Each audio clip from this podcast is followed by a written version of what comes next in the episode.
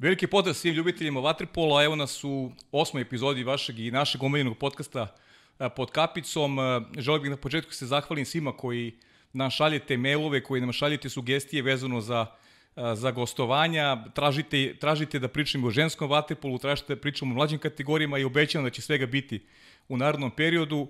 I prosto nema vremena. Za sad imamo samo jedan podcast, dakle četvrtkom podcast koji radimo i možda će čak u budućnosti biti i podcast dve nedelje, ali to podcast dva u jednoj nedelji, vidjet ćemo da li će se to realizovati. U svakom slučaju, hvala svima na, na sugestijama, hvala svima na pohvalama. Vidim da ste zadovoljni sa odabirom naših današnjih gosta, još jedan iz serije momaka, serije vaterpolista koje su osvajali, pa maltene sve što možda se osvoji, što u klubskoj, što u reprezentativnoj karijeri čovek koji je osvojio tri olimpijske medalje, čovek koji je bio i svetski i evropski šampion, čovek koji je sada uspešan i kao vaterpolo trener, dakle dovoljno je reći Aleksandra Ćirić, Ćiro, dobrodošao u naš Ćao. podcast. Bolje te našao, bolje vas našao. Da, hvala što si došao i kažem, ajde, za početak svakog gosta pitamo isto kako ti se dopada u našem studiju na kraju univerzuma. Pazi, jako, jako prijatna atmosfera. No, moj utisak prvi da, da liči na, na neku slačionicu. Ovaj, rekao sam malo pre, fali jedan tuš samo i to je to. Ajde. I samo da te ispravim, ovaj, u uvodnom ovom delom, mm -hmm. delu si rekao da sam ovaj, osvojio svetsko zlato, ja nisam osvojio A nisi svetsko zlato, aha. Imao sam zdravstvenih problema i preskočio sam to ovaj, svetsko prvenstvo, 2005. ovaj kako zove da to kad smo kad smo ovaj slavili ali eto ja sam imao ta neka dva virusa koja su me zakačila posle teških sezona i jednostavno nisam mogao da nisi da bio u Montrealu tako, tako je tako, tako je, da tako je. moj moj moj lapsus u svakom slučaju ajde e, kada kada negde samo da kažem na početku Marine danas nema sa nama Marina je bolesna tako da se nadam da će već u sledećem podcastu e, kada nam gost bude bio Filip Filipović biti takođe e, u studiju. Ajde krenemo od početka, da mi kažeš, evo poput, poput Aleksandra Šapića, kada je bio gost pre 7 dana, kako si se obreo u Vatrepolu? Nisam te čuo. Kako si se obreo u Vatrepolu? Pa, kao i obično, blizina bazena je presudila ovaj, kojim ću sportom da se bavim. Moj stariji brat Mihajlo ovaj, je počeo da trenira vaterpolo sa svojim drugarima iz škole. U tom periodu mene majka ovaj, povela na folklor, tako, tako sam nešto krenuo, ne znam, to mi se nešto mm -hmm. svidelo. I onda, iz čisto praktičnih razloga, da ne bi ovaj, starijeg brata vodila na bazen, mene na folklor, onda smo se obojica ovaj, spremali i onda smo krenuli na taj famozni 11. april i praktično pr prvi moji koraci su ovaj, krenuli sa tog 11. aprila. Inače, ja i Šapke živimo dosta relativno relativno blizu, on je tamo na, na kifli kod uh, studentskog grada, ja sam preko puta studentskog grada, 37. blok, tako da, eto, čisto blizina je ovaj, neki, na neki način presudila ovaj, kojim ću sportom da se bavim. Tako da, na tom 11. aprilu, ovaj, uh, prvi, prvi trener mi je bio Kokta, uh, Kole, Kole Vasilevski, mm -hmm. Vasilovski, zatim Đela, Saša Nastasijević i onda malo po malo ovaj, ja sam bio poprilično neozbiljan u, u početku i zbog te moje živosti, neću da kažem ne discipline, nego živosti, dosta su me ovaj, izbacivali sa treninga. Uh mhm. -huh. Dok uh, u jednom momentu otac nije više ovaj, mogao, dok mu nije prikipelo, tu je bilo par onako ovaj, pedagoških, pedagoških ovaj, ubeđenja i onda sam to, ajde da kažemo, poprilično ozbiljno shvatio.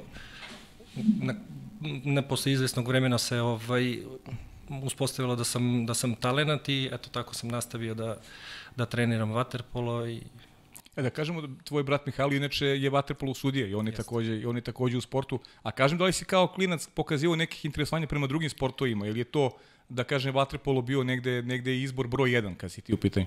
Pa svi ostali ostali sportovi su se ovaj upražnjavali ispred zgrade. Uh mhm. -huh. Tako da, da. da ono, sretno detinstvo, nije bilo da kažemo ovih ovih problema o svetskog ludila da jednostavno kad izađeš u, u park ili na igralište da moraš da si pod nadzorom roditelja, tada smo svi bez, bezbrižno neko, nekako živeli i onda si od jutra do mraka sa, sa drugarima, ono, piko futbal, košarka, crtali se tereni, ono, tenis, tenis, tenis tereni sa farbom, stoni tenis i tako. na taj način sam se ovaj, bavio ovaj, uh -huh. drugim sportovima.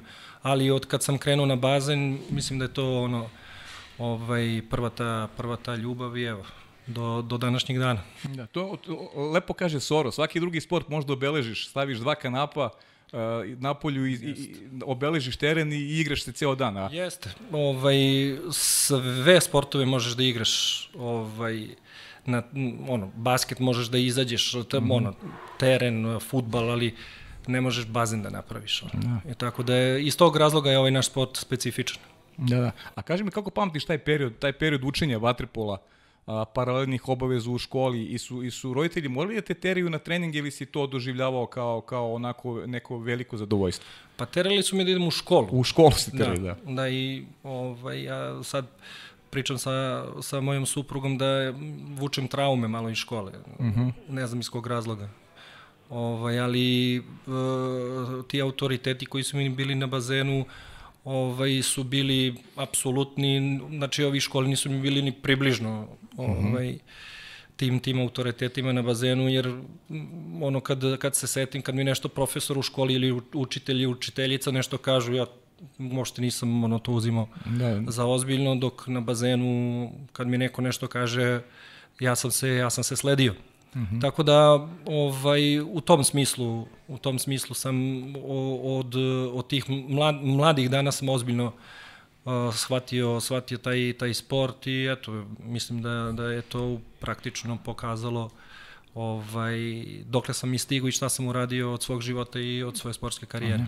A napričenu digresiju, ili sada svoju decu, ili usmeravaš na sport svoju decu baš iz tog razloga što si rekao da neka taj autoritet uh, koji ti, koji ti, koji ti trener stvori, misli, koji napravi trener. E, autoritet je, postoji samo autoritet znanja i kad vidiš da neko zna što ti objašnjava, automatski ga i slušaš. E, da li, da li decu usmeravaš na, na, na sport upravo iz, iz razloga tog iskustva koji si ti imao? Pa ja ne usmeravam svoju decu na sport. Uh mhm. -huh. ovaj, teo sam da se dohvatim ove uh, uh, ove teme iz razloga što sam ti donao par nekih stvari uh -huh, uh -huh. ovde da ukrasiš studio i sve ove stvari mi stoje u, u ormaru da. i sve medalje mi stoje u ormaru i praktično iz, nisu eksponirane to hoće tako kaži. je da ne bi stvarao neki kompleks kod dece uh -huh, uh -huh. tako da ono što se bude svidelo deci oni će da ja izaberu a ja ću naravno da kao roditelj podržavam to iz, iz sve snage da super ali u svakom slučaju uh, ja bih voleo da postoje tako neki autoriteti, kao što si rekao, autoritet se stiče samo znanjem, uh mhm. -huh. nikakvom nekom gvozdenom disciplinom. O, ja sam na svu sreću imao takve autoritete i e, jednostavno dok ne, ne počneš da slušaš, ne možeš ni da počneš da komanduješ. Tako da u svakom slučaju ja mislim da sam dugi niz godina slušao, bez pogovora sve šta, šta se ovaj traži od mene i da bi došao sad do, do, tog, do tog momenta da ja sada ovaj, objašnjavam i da, da komandujem. I nadam se da, da to na jedan dobar način prenosim, poučen svim iskustvima koje sam, koje sam imao u detinstvu i tokom, tokom sportske karijere. Tokom života sa, sa tim autoritetima, eto. Uh mhm. -huh. e, znaš kako, stalno nas pitaju i, i tražu nas da, da sa gostima malo pričamo o tehničkim stvarima, da opet ću malo da, da skrenem sa, sa teme koju smo započeli. E, kako bi se definisala neka tvoja pozicija u bazenu i šta ona podrazumevala kada pričamo o odbrani napada? I malo e, pričaš o tome i, i kad se definitivno po, e, definisala e, pozicija tvoja u bazenu? Pa znaš kako, odmah ću da te ovaj, ispravim, u Waterpolu nema odbrana napad, I, jer ti igraš praktično i odbranu i napad. Ok, pa da, dobro, da. ali, ali šta, šta podrazumeva igra odbrani, šta o napadu, koja je tvoja pozicija? To? Da, ja sam, se bolje ovaj, ja sam igrao tu desnu stranu, uh mhm. -huh. neki zovu nezgodna strana zato što sam dešnjak na, na toj uh mhm. -huh. desnoj strani. I praktično da je tu poziciju, ovaj, moju poziciju izabrala moja morfologija to je morfološka uh -huh. građa, jer uh -huh. ja mhm. nisam ovaj, konstitucije kao ostali moji saigrači sa kojima sam igrao. Ovaj, na primjer, ja i Petar Trbović smo slične neke konstitucije i ovako poprilično, poprilično smo ovaj, uh, vretenasti, brzi i tako dalje i tako dalje. Samim tim ta neka moja moja karakteristika je odredila tu, tu desnu stranu. A što se tiče sad te, te odbrane ili napada ili već kako, to su neke individualne stvari koje se vremenom, vremenom ovaj, poboljšavaju, stiču i tako dalje, tako dalje. Možemo da pričamo i o tome, uh -huh. ali kao što sam ti rekao, u Waterpolu imaš konstantan napad, konstantnu odbranu, tako da nema ono, e, ovo je napadač, da, da. ovo je odbranbeni, to, to se ja ježim, kako se zove, kod italijana kaže difensore ili, ili odbranbeni, kakav mm -hmm. difensore, šta, šta radi u napadu, ne razumem. Da, da, okej. Okay. Tako da, da je... Ovaj, nema striktne podele, okej, okay, kao tako, neki drugi sportima, ali samo, samo tako, sam teo da, da onako, onako da, da, da... Da, imaš centra, imaš centra, imaš beka, desnu, levu stranu. Okay. Mm -hmm. Imaš, na primjer, ovaj, te igrače kao što je, na primjer, Vlada, on je mogu da igra i beka, mogu mm -hmm. da igra levo. Ovaj, tako da to su neki uh, viši kvaliteti ovaj, koje, koje mogu da, da pruži. Uh -huh, uh -huh. Znaš kako, uh, uvek polazimo od toga da, da će možda početi gleda i vaterpolo, a i emisiju neko ko ne gleda taj sport. Pa najbolje da vi koji ste E, da kažem i legend ovog sporta da pričate o onome što se zovu i ta neka tek, te neke tehničke karakteristike da bi ljudima onako bilo prijamčivo da znaju da znaju šta slušaju i da bolje imaju onako definiciju onoga e, što se dešava što se dešava u bazenu zbog toga sam to pitao da, znaš. ovaj e, ta desna strana ta desna strana ovaj bi kako bi definisao treba da bude uh, prva u napadu uh mhm. -huh. i prva u odbrani. Uh mhm. -huh. Znači, mi smo ti koji prenosimo loptu iz, iz uh, odbrane u, u napad. Uh mhm. -huh. I praktično uvek trebamo da smo ispred te prve linije ovaj napada da bi mogli da da serviramo i da vidimo šta se šta se dešava.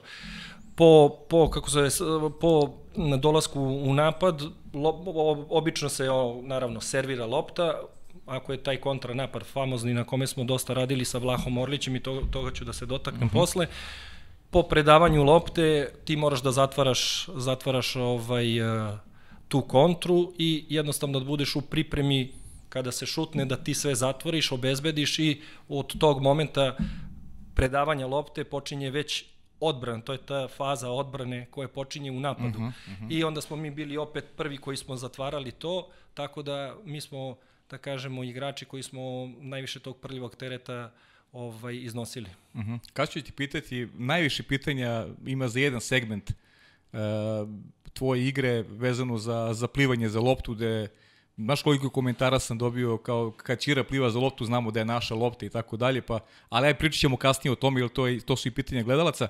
E, kaži mi, nova pravila, kako tumačiš ova nova pravila i da li bi, sad kad preneseš na, na, na tvoju karijeru, da li bi ti više odgovarala ova pravila koje sada uspostavljene u Waterpolu, da li bi tvojoj e, negde igri više odgovarala? Ili, ili, nisu toliko, ili nisu toliko značajne za, za samu igru? Pa znaš kako, o, sa, s, kada su se pravila menjala, tada je došlo i do promene o, o stila igre, -huh. o, došlo je do ubrzavanja vaterpola. Tako da, na primjer, nekad, koliko, se, koliko sam ja čitao ovaj, koliko su mi objašnjavali, nekad se igralo 4 puta 5 minuta, pa si mhm. imao te napade koji e, su trajali koliko hoćeš. Kad uzmeš loptu, traje ti napad malte ne, pa onda su ovaj, e, ograničili napad na ne znam koliko sekundi, pa si morao, onda je ovaj, uh, onda si morao da plivaš gore dole, jer pre ono kad uzmeš loptu imaš dvojicu, trojicu napadu, trojicu odbrani i to se tako završavalo. I mhm. ko ono drži loptu, faul i tako. Mislim, ovaj, uvođenjem novih pravila ubrzavala se igra, mm -hmm. što, je, što je normalno. Opet kad, sam, kad smo mi bili, opet je bilo sa 35 sekundi, opet iz, promenili su, nisu više bile zastavice, nego se pokva, pokazivalo rukama i tako dalje. Tako da u, uh, promenom pravila ubrzava se igra. Da li, je, da li bi to nama više odgovaralo, to je opet pitanje i relativno je sve. Mm -hmm. Ali, eto, ja sam jedan od igrača koji je skor, nije skor, ali ovaj, igrao i po tim novim pravilima i navikao sam se, uh mhm. -huh. navikao sam se, ali bilo mi je naravno teže, jer uh, svi ti, svi ti, uh, sva ta deca, svi ti igrači koji su ovaj, uh, mlađi, brže se privikavaju na sve to. Mi imamo opet neke stare navike, možda smo bili malo i, i, i mm, ne mogu da kažem e, spori, ali imali smo te neke navike, na primjer, da još jedan put proveriš pas i tako dalje, dok ovde ide mnogo brže. I tako da ne mogu, ne mogu da kažem da, da, da bismo se bolje prilagodili ovim novim pravilima, ali da utiče, utiče. Uh -huh. i ono što sam hteo da kažem sa novim pravilima opet dolazi do izražaja tehnička obuka igrača. Uh -huh, uh -huh. Do, pre ovih, do pre ovih pravila dosta se davalo na tom fizičkom, na fizičkoj dominaciji ko je spremniji, ko je jači, ko će bolje da, što mi kažemo, da drpne, da povuče. Uh -huh, uh -huh. E, sada opet dolazi ta ovaj, tehnička dominacija na koju smo mi odrasli sa Nikolom Stamenićem i opet se sve vraća ovaj, na ono staro i... Misliš da našoj školi vaterpolo to više odgovara? Naravno, u svakom slučaju. Uh -huh. e, kaži mi ovako, ti si, ti si karijeru počeo u Crvenoj zvezdi i e, verovatno si uz Aleksandra Šapića, tvog imenjaka i najbolji predstavnik te zvezdine škole, s tom razlikom što ti nikad nisi igrao u Partizanu. Da, ovaj, počeo sam u Zvezdi i iz te Zvezde sam otišao u Beči. Uh -huh. I... malo pričamo o Zvezdi. O, o... Pa dobro, ovaj, tada Šapke u prethodnoj emisiji objasnio da, se, uh -huh. da su nastali problemi sa 11. Uh -huh. aprilom, da smo krenuli da treniramo na 25. maju i to su bile one teške godine i sankcije i tako dalje i tako dalje. I jednostavno te 90 92. godine ja sam odskakao od svoje generacije i uh mhm. -huh. praktično ovaj kucao sam na na vrata prvog tima Crvene zvezde gde sam ja uh, Izvini, to to ona generacija sa Milanovićem već i si, si ti ne, trenirao, ja sam, si ti trenirao sa Milanovićem? Jesam, jesam, jesam. Čak sam bio na, na jednim na, u jednom kampu u Obrenovcu gde su se oni pripremali za finale sa Partizanom. Uh mhm. -huh. Ja sam tu onako Nikola me poveo da bi osetio tu da, neku da, da. atmosferu. Pripremao te za... Pa, da li on, da li on uh, Video. osetio mm -hmm. ili... Ali mm -hmm. meni je kao, kao ovaj, klincu to jako prijelo. Mm -hmm.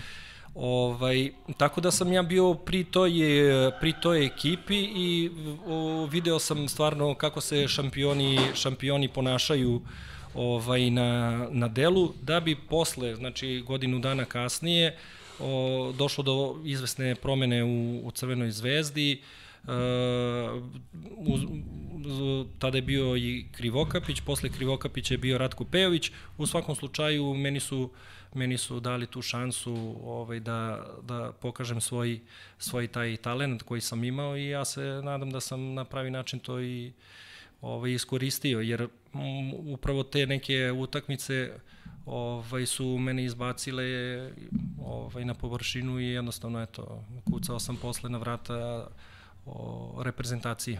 Pa da, šira javnost negde i čula za tebe, to je ta zvezdina generacija sa Jelinićem, sa Vladom Vujasinovićem, sa Jugom Vasovićem, da biste tada osvojili šampionsku titulu, ali ste negde, pogotovo vi mlađi ste stavili do znanja da, da jugoslovenski vatrp u to vreme možda su osnovnite kako nas, pogotovo tu ciljam svesno na, na, na, na Šapića i na tebe.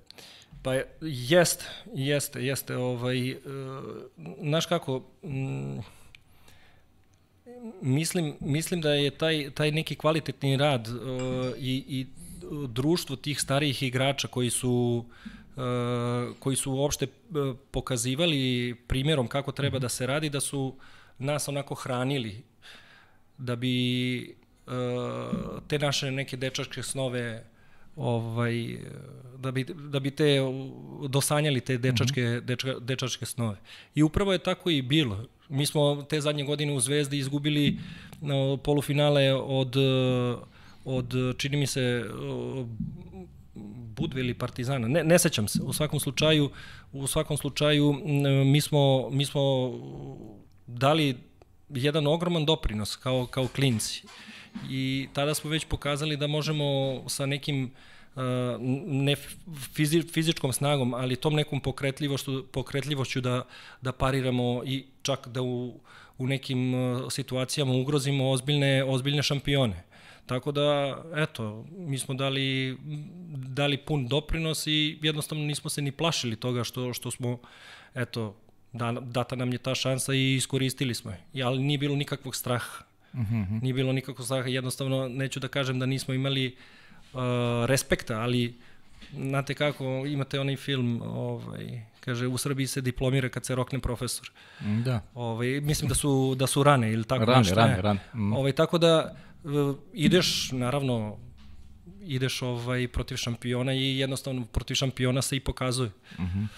I dokazuje. Tako je. A to, to je period kada si prvi put imao tu saradnju sa Nikolom Stamenićem. Znam da, si, da, da, da je imao utice Nikola na, na tvoju karijeru, da si radio sa njim i dosta individualno. Uh, kako, bi, kako bi upisao, upisao tu saradnju sa Nikolom? Pričamo naravno poslije Vlahu Orliću, naravno. No, kad sam se, se dotekao te godine kad, je, kad me pozvao Nikola na taj, uh, čini mi se da je bio igrali su protiv Partizana, igrali su protiv Partizana, uh, to je bio taj neki karantin u Obrenovcu, Uh, kako je Nikola pripremao igrače, šta, kako je objašnjavao, ja sam doživeo neku drugu dimenziju vaterpola. Mhm. Sve ono što sam učio u tim mlađim kategorijama, ovo mi nešto bilo sasvim, sasvim drugačije.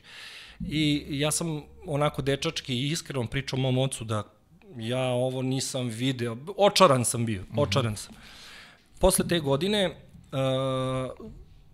došao je Krivokapić, Zvezda se, ajde da kažemo, Zvezda je promenila tim, ali u, u, u meni je nešto ovaj, govorilo da ja moram da nastavim da radim. I uh, moj otac je onako Uh, najiskrenije skupio hrabrost, uh, otišao je kod Nikole Stamenića, on je tada radio u, u grčkom klubu Glifada u Atini uh mhm.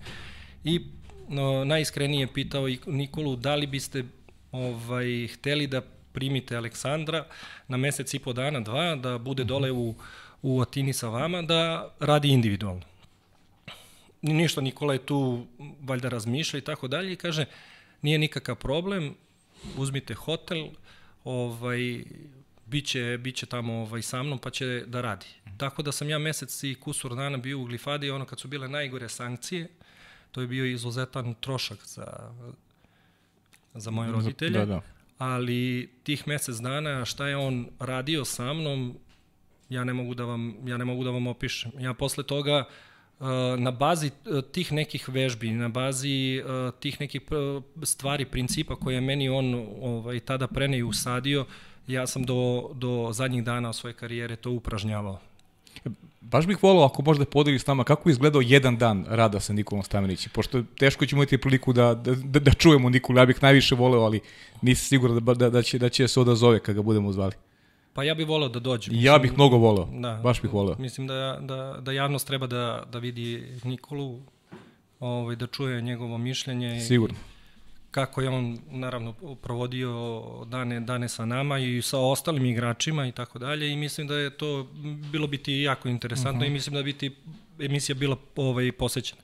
A što se tiče rada sa Nikolom, to je, eh, ja sam tih mesec i po dana kod njega uh, samo radio rasplivavanje, nisam sekunde jedne plivao, uh mhm. sve su bile individualne vežbe na nogama sa loptom, ovaj, tada je on uvodio neki, imao je te ovaj, stvari koje je uvodio u waterpolo, sad da ti ne objašnjamo, ne bi ti ni bilo jasno, to, su, to je neki, ne, neki crv, neko klizanje uh mhm. -huh. sa loptom, bez lopte, uh, mahanje, šut, znači sve neke stvari koje su bile vezane za waterpolo i sa uh, loptom. Znači kad kažemo plivanje, to je plivanje i uh mhm. -huh. kako se zove ovaj waterpolo, te tehničke stvari, ja sam samo radio tih mesec i po dana.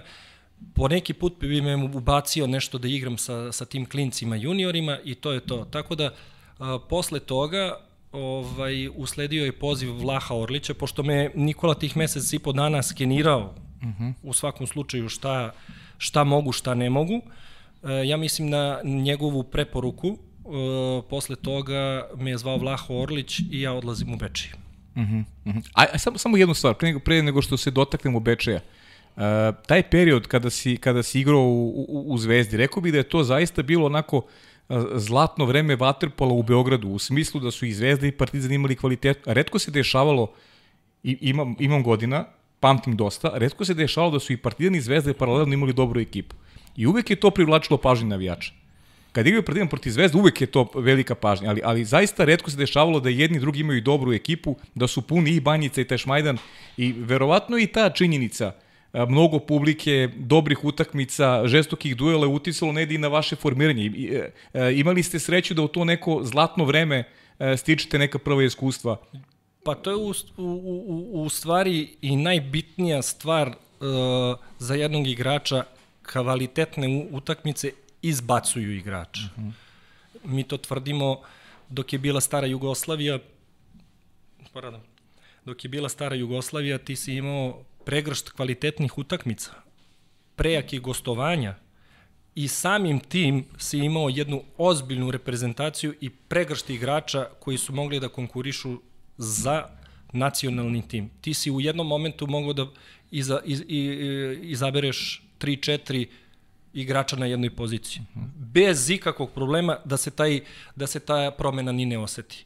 Upravo to što si rekao, uh, jak Partizan i jaka Zvezda, bez tih klubova praktično nema ni, ne, u, ne, ne samo vaterpolo, nije u jednom sportu. S tim što je u tom momentu kad smo mi igrali bio je jak, bila je jaka i Budva, uh mhm. -huh. bila je, bio je jaki Primorac, to jest, to jest Kotor, uh -huh Vojvodina je tu nešto onako, ali to su bile ozbiljne utakmice. To su bile ozbiljne utakmice i, i te utakmice, te, te kvalitetne utakmice u principu izbacuju, izbacuju igrače. I ja mislim da to u ovom trenutku i fali našem, fali našem vaterpolu, jer bez toga ja mislim da, da da će da bude jako teško bilo šta revitalizovati. Pričat ćemo u aktualnom trenutku i srpskog vaterpola, makar onoliko koliko si ti, koliko si ti upućen, ali a sad dolazimo do tog poziva Vlaha Orlića, nadovezujemo se na, na Nikolu Stamenića, njegovu verovatnu preporuku i odlazak tvoj u Beče ide gde se formirao pa Dream Team i mnogi čak i kažu uh,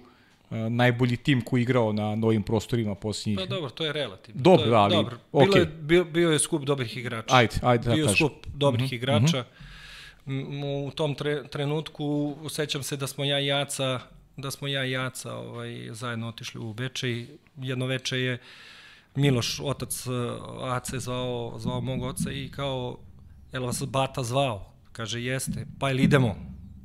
I mi smo, mi smo presekli da jednostavno ta zvezda ovaj, nije mogla više da nas isprati. Uh mhm. -huh. I otišli smo u Beče gde mi ovaj, praktično doživljamo punu afirmaciju, gde smo imali izvaredne uslove. Jeste da su bili malo asketski, ali imali smo izvaredne uslove i mi smo praktično sa Bečejem ovaj, ušli u nacionalni tim, a to ću isto da objasnim jednu situaciju koja je jako interesantna i kako su ljudi ovaj, razmišljali o svakom, o svakom koraku i kako su selektirali igrače. Mislim, pričamo o Bečeju. O Bečeju, mhm. mislim o, o, tim, o tim da. Mhm. autoritetima, mm -hmm. mislim, ovaj, o kojima smo pričali. Uh, Uh, Vlah Orlić prve godine nije bio, mi smo ovaj, bili, bili prepušteni Peri Porobiću, gde smo godinu dana radili sa, sa njim, gde bi Vlaho posle preuzeo ovaj, ulogu i tu, tu palicu gde nas je on praktično izbacio, usadio je sve te neke ovaj, ne radne navike, ali dosta, dosta stvari kod nas promenio u, po pitanju filozofije vaterpola, filozofije života, pristupa, ponosa, ponašanja, respekta i tako dalje i tako dalje. Ovaj, I praktično mi od te 94. godine kad smo otišli u Beče i mi nižemo samo rezultate, osvajamo i tu, ajde da kažemo, laskavu titulu šampiona Jugoslavije ovaj, sa, sa Bečem, sa tom generacijom, ovaj, da kažemo, igrača iz Kotora, Vukanić, Milić, ovaj, ne znam da li je još neko bio tu, ali u svakom slučaju mi smo ostavili eto, taj, taj nedosanjeni san Bečejaca, jer su oni godinama ulagali u taj, taj vaterpola, nikad nisu mogli da onako poentiraju, ali eto, na kraju, na kraju smo eto, doneli tu tu titulu ovaj šampiona Jugoslavije ovaj u. Mhm. Uh -huh. Ali što se tiče što se tiče Bečeja, ovaj jednostavno smo imali sve sve uslove, bili smo okrenuti samo tom vaterpolu i samo smo o tome i razmišljali i jednostavno um, imalo je smisla. Imalo je na kraju smisla zbog čega smo tamo i, i otišli, za, zašto smo se toliko prepustili ovaj, tom, tom sistemu, tim, tim ljudima i e, ne mogu da kažem da je bilo lako, ali je bilo izuzetno korisno i interesantno. Uh. -huh. ovaj, I ne, ne verujem da bi, da bi bilo ko izdržao to što smo mi izdržali od samog smeštaja. Mi smo bili smešteni u nekom adaptiranom domu penzionera, neka asketska soba sa toaletom i tako dalje, gde smo mi praktično ovaj, imali tih 200 metara bazen, dom penzionera, restoran i to je bio taj neki trougo ovaj, za vikend smo možda išli kući i tako dalje. Inače, to je, to je bilo to. A što se tiče o, te interesantne situacije, e, kako smo, kako smo mi preko noći bili aktivirani. E, u to, na tom bazenu naravno bila je kancelarija, trenerska kancelarija, e, možda malo nešto manje od ove od ovo vaše studija i tu, tu su bila ulazna vrata i još jedna vrata koja je delila koja su delila tu kancelariju od nekih tuševa sa druge strane. I na tim vratima je bio jedan, e, kako se je, poster za najavu utakmica. -huh. Mhm. I tu je rukom bilo napisano markerom u trenerskom poslu nema kompromisa. Mhm. -huh. Tu je bila batina stolica, Ovaj, jedan dan je Pera Porobić pozvao u kancelariju mene i Šapketa. I šta se dešava? Kaže, ajde, sedite momci. Mi klinci, pritom, šta je to?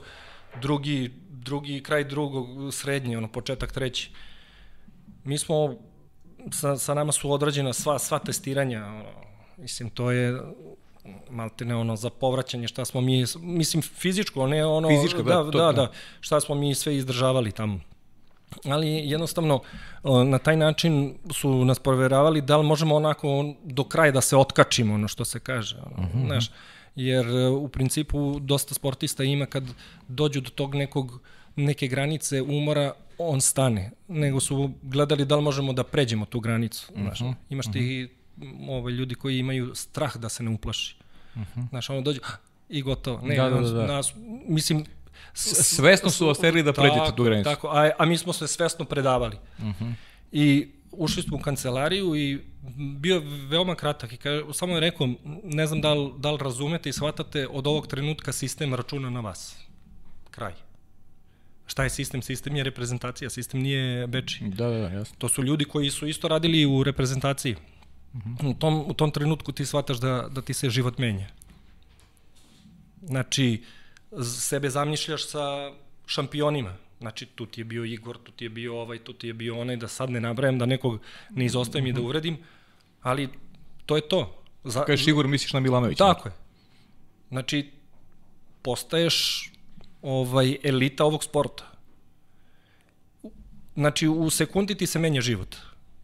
Barem sam ja tako doživao, mhm, -huh, verujem mhm. -huh. i Aca. I, pa to je bila prelomna tačka? Pa ne, nemaš, mislim, radiš, ceo život radiš za to, nema više nazade kao neću. Da, mislim, da. možeš, ali si budala, Tako zašto je, si, zašto, prošao pa, već. prošao si, tu da. si. Uh mhm. -huh. Znači, ti si izabran.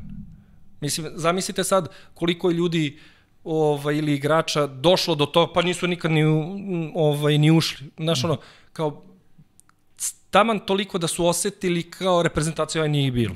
Uh -huh. Uh -huh. A mi smo, ono, jasno nam je stavljeno, stavljeno do znanja i sistem računa na vas. Ćao. Pritom, pritom ste dečaci praktično. Da. Da. Mm. Tako da... Pa to vajde deli one posvećene sportu, one koji imaju taj neki, da kažem, i upornost i talenat više od onih koji, koji ne mogu da pređu tu vrstu granice. Ti si prvi koji mi priča ovo, zaista vrlo interesantna pa priča. Pa dobro, Isti, pa mo, mora da se zna, moraju da se znaju neke stvari. Sport je izuzetno surov. Mm -hmm. Možeš da budeš i, i ne možeš da i ne moraš da budeš. Tako je. Ja. Milion i jedan faktor uh, zavisi ovaj i utiče na, na, na tvoju karijeru. Mislim dođe neka povreda, mislim a, mm. desi ti se nešto, neka tragedija u familiji, tako. Ono milion i jedna stvar, možeš čak i da prezupčiš malo. Mislim nisu to o, nisu to lake stvari. Ti dva puta skačeš u dnevnu vodu, o, maksimalna neka opterećenja, stresovi i tako dalje. Nama je samo stres da skočimo u hladnu vodu a ne, kako se sve zove, da- ostalo, da, sve ostalo. Tako da, to su interesantne neke stvari koje, e, i onda mene to nešto ono kao boli, kao, čuješ sa strane, kao, e, kao, znaš, šta sam ja bio za Čiru? Pa dobro, što nisi bio? Tako je.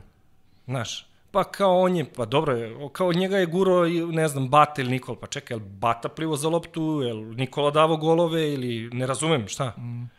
A ima i toga, ima i toga. Pa da. dobro, uvijek ču, ima ču, da. Pa dobro, mislim, mm. ne obaziraš se na to, ali mislim ono, ovaj, to su neke stvari koje ovaj, mi stojimo iza toga i rezultat stoji iza, iza, naših, iza, iza našeg rada. Mm -hmm. Tako da ono, ima, ima, ima sigurno tih nekih uh, komentara, ono kao, a vama je lako, pa dobro. Ti se samo sećaš lepih stvari, a ne sećaš se ružnih. Da, da. I to je, to je ovaj tragedija ovog ne sporta nego naš naš kako kad osvojiš medalju sve sve loše to je interesantno sve loše stvari zaboravljaš Da, da. Pa, neš kako, nešto najgore u Waterpolu, što se one podrazumevaju. Ba, ba, dobro, to je Znaš, druga stvar. To, da. to, to je druga stvar i ne ulazim. Ne, ne mogu da razmišljam i da objašnjavam kako se zove Šapke je rekao ciketanima ili pacerima, razumeš? Ne, uopšte ne, ne mogu, ne, nema mesta za, za, za, tako, za tako nešto da i da razmišljam, ali ovaj, u svakom slučaju u svakom slučaju ovaj, ovo što sam ti rekao, to stoji, stoji iza nas i to ne može niko da nam oduzme. Da. A, a to je sve i posljedica tog sistema. Vlah Orlić, Nikola Stamenić koji su, mislim da i, i dalje živimo na osnovu tog sistema koji su postavili njih dvojce. Jer to je negde se nadovezuje. Moje sledeće pitanje je bilo da malo objasniš onima koji uh, i ne pamte ta saradnja sa Vlahom Orlićem, kako je izgledalo, da nam malo približiš eh, Vlahu Orlića nama koji em nismo igrali vaterpolo, em ne znamo uh, kako je sistem funkcionisao. Pa dobro, ja sam imao tu sreću, Šapki imao tu sreću Juga, imao tu sreću da radi sa, sa, sa Batom. Svi su radili sa Nikolom, ali niko nije ovaj, radio sa Batom kao što smo mi radili. On je, ne znam koje tačno godine, rođen u Kotoru, inače žive u Dubrovniku. Čovek, ono, Štroman, uvijek ispred svih, uvijek je davao sebi uh, nešto neostvarivo da bi ostvario Mhm, razumem. Možda O, i manje, ali manje. u stvari, u stvari ono što tražio želi. je nemoguće da bi ostvario ono što, što je. Da, da. A takav je bio Bata. Mhm. I uvek je bogati govorio, Čiro, ti ćeš onaj, i tako, znaš. Mhm, I uvek smo se, uvek smo se ze- zezali u pozitivnom Mhm. ovaj, smislu. Ovaj, bio, je, bio je ono izuzetno temperamentan, izuzetno uh, čvrst u nekim odlukama, nije bilo to kao onaj, kako zove, plakat u trenerskom pozivu, Da, da, da, ma čao. Mhm. Čao. Uvijek smo se zezali koga bata, Prekrsti, prekrstio ga, da. gotov.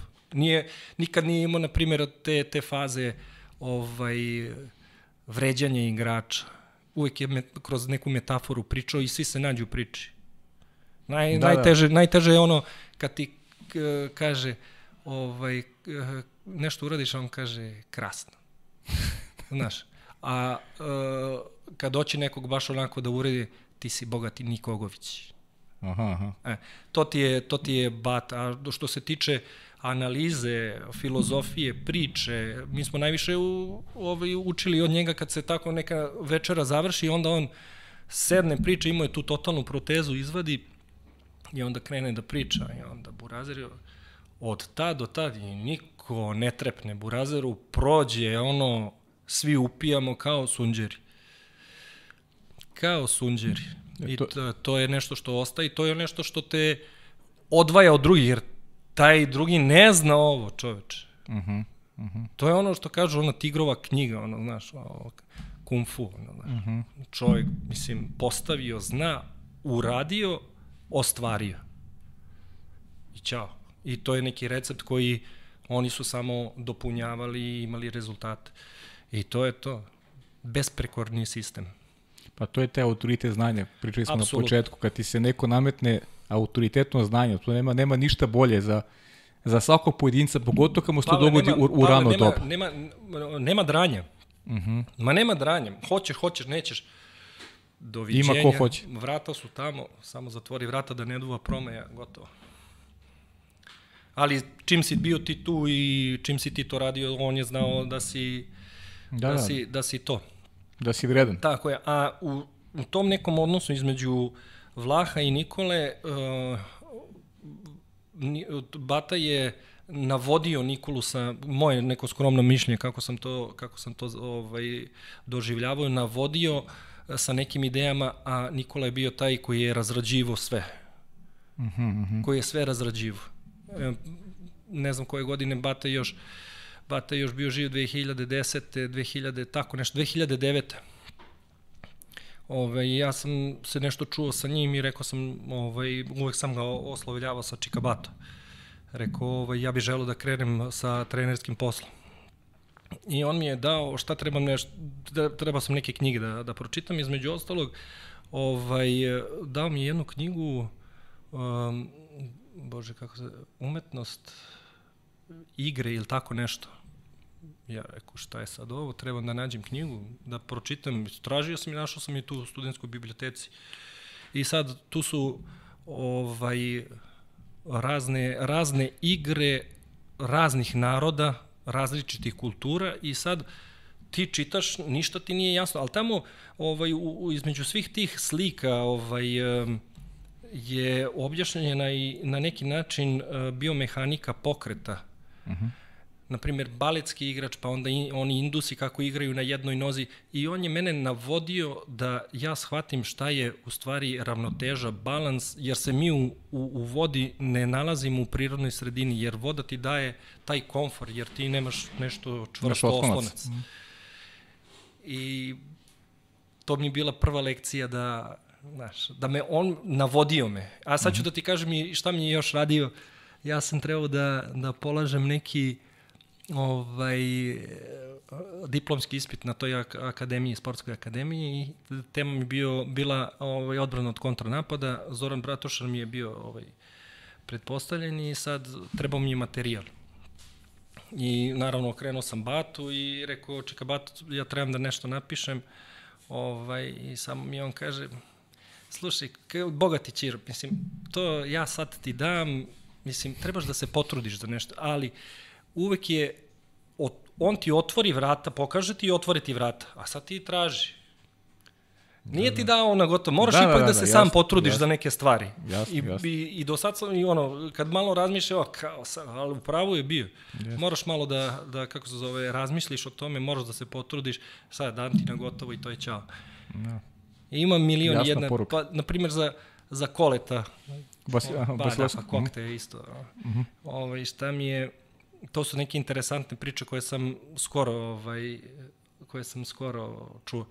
Ovaj zove ga zove ga Kole, zove ga Bata kući, on je živeo na Bažanijskoj kosi i sad ovaj kaže Kole bogati sedi ovde i sad stavio mu ovaj TV i kaže pusti mu neki snimak, znaš, i sad ide neka, neka kontra, kaže, kole ja gledam, on zaustaje i kaže, bogati, šta vidiš? Kaže, koli, ja gledam, po ova kontra, on opet vrati nas, opet pusti. Šta vidiš? Kaže, aj, ako se ne varam, ovaj kon, on opet tak, nazad. Šta vidiš? Aj, kaže, ovaj, idem ja malo napalj, pa se vratimo, znaš. I u tom trenutku urazi njegova žena Ljilja i kaže, ajde, ovaj kola izdrži, znaš da je bata malo težak čovjek. I sad, kako zove, sad kolo uzo daljinski tap, tap, tap, tap, tap. Šta je ovo čoveče, vidim. I ništa. Bata se vraća, kaže. Banjica je bila. I Bata vraća ovaj snimak i kaže, jel vidiš ovog ovde trenera, znaš kako je na banjici imaš ovaj olimpijski gde on radi, da, i da. imaš da. onaj do bazen i uh. -huh. tu je jedan trener koji stoji, koji je koletu okrenuo, njegov saradnik i koletu je okrenuo leđa. Kaže, jel vidiš ovog ovde? E kaže, zapamti, sledećoj prilici ima da ti zabije nož u leđa. Na šta je on obraćao pažnju? Da, koji dete, pa ne bi vidio da je vrteo to još jedno, dva dana, verovatno. Bat. Da. I milion jedan snimak. Traži je, na primjer, da se ti snimci, kako se zove, ono kad smo igrali u Bečeju, da se treneri suparničkih ekipa zoomiraju, znači ono, krupan plan, jer je Bata čito Susana. Interesovalo ga šta priča ovaj. Da. Ali Čiro, ili ima takvih ljudi danas koji su toliko posvećeni onome što rade, generalno, da, da, da prosto žive to što rade? Pa ja bih volio da sam takav, ali to je, nosi svoju, svoju cenu. Da. Ja mislim da, da on, kako se zove, je na kraju krajeva i platio to na neki način. Mhm. -huh. I zdravlje, i, da. i porodica i tako dalje. Ali je na neki način da mi neko ne zameri, ni njegova porodica i tako dalje. On je nas mator za porodicu. Da, da. Pa zato, zato ti pitam, znaš, da, sad kad porediš recimo to vreme, da li može, da, da li ima, aj sad da se fokusiramo na vaterpolu, -huh. uh, da li nedostaje vaterpolu, uh, ajde da kažem, i trenera, ne samo na represivnom nivou, nego trenera koji, koji su u stanju da, ajde da, da ne budu toliko, da kažem, rigidni, E, kao što su kao što je bio pokojni Bata Orlić, ali ali da prosto e, taj sport živi, da imaju tu snagu da, da, da, da, da prenesu neko znanje i da budu ta vrsta autoriteta momcima koji treba da, da, da sutra izađu na veliku scenu. Svi bi volili da budu Bla, Vlaho Orlić. Da. Svi bi. Dosta sam ti rekao. Da, dobro. Dosta dobro. sam ti rekao zato što ovaj, e, svi bi volili da budu Vlaho Orlića prave velike, velike greške. Uh Mhm. -huh. Vode se nekim stvarima koje je on napisao, sada to, kako, kako oni protumače i tako dalje, mislim, to je, to je druga stvar, ali u svakom slučaju svi bi volili da budu Vlaho, Vlaho Orlić. Uh -huh. Ali to je teško, mislim, dao Bog, dao Bog, jer ja mislim da će u tom trenutku da se, da se desi preporod ovog, ovog vaterpola. Uh -huh. Da, ajmo, ajmo, ajmo da dalje. Ajmo, ajmo dalje, idemo na, na, ajmo. na krunu tog osmogodišnjeg perioda koji si proveo u Beču i to je ta titula prvaka Evrope, koji ste osvojili 2000. godine, a dao si ti lični pečat tome, da ne budeš skroman, proglašen si i za MVP-a tog, dobro. tog pa finala. dobro, to je jedna samo epizoda. Mislim, zaboravljamo taj period koji smo svi onako ovaj, pregazili zajedno, znaš. Stvarno, ono, dok mi nismo došli do, do te do te ove šampionske titule mnogo smo se mnogo smo problema imali, mnogo smo mnogo, smo se napatili, znaš. Uh Mhm. -huh. Mnogo smo se napatili.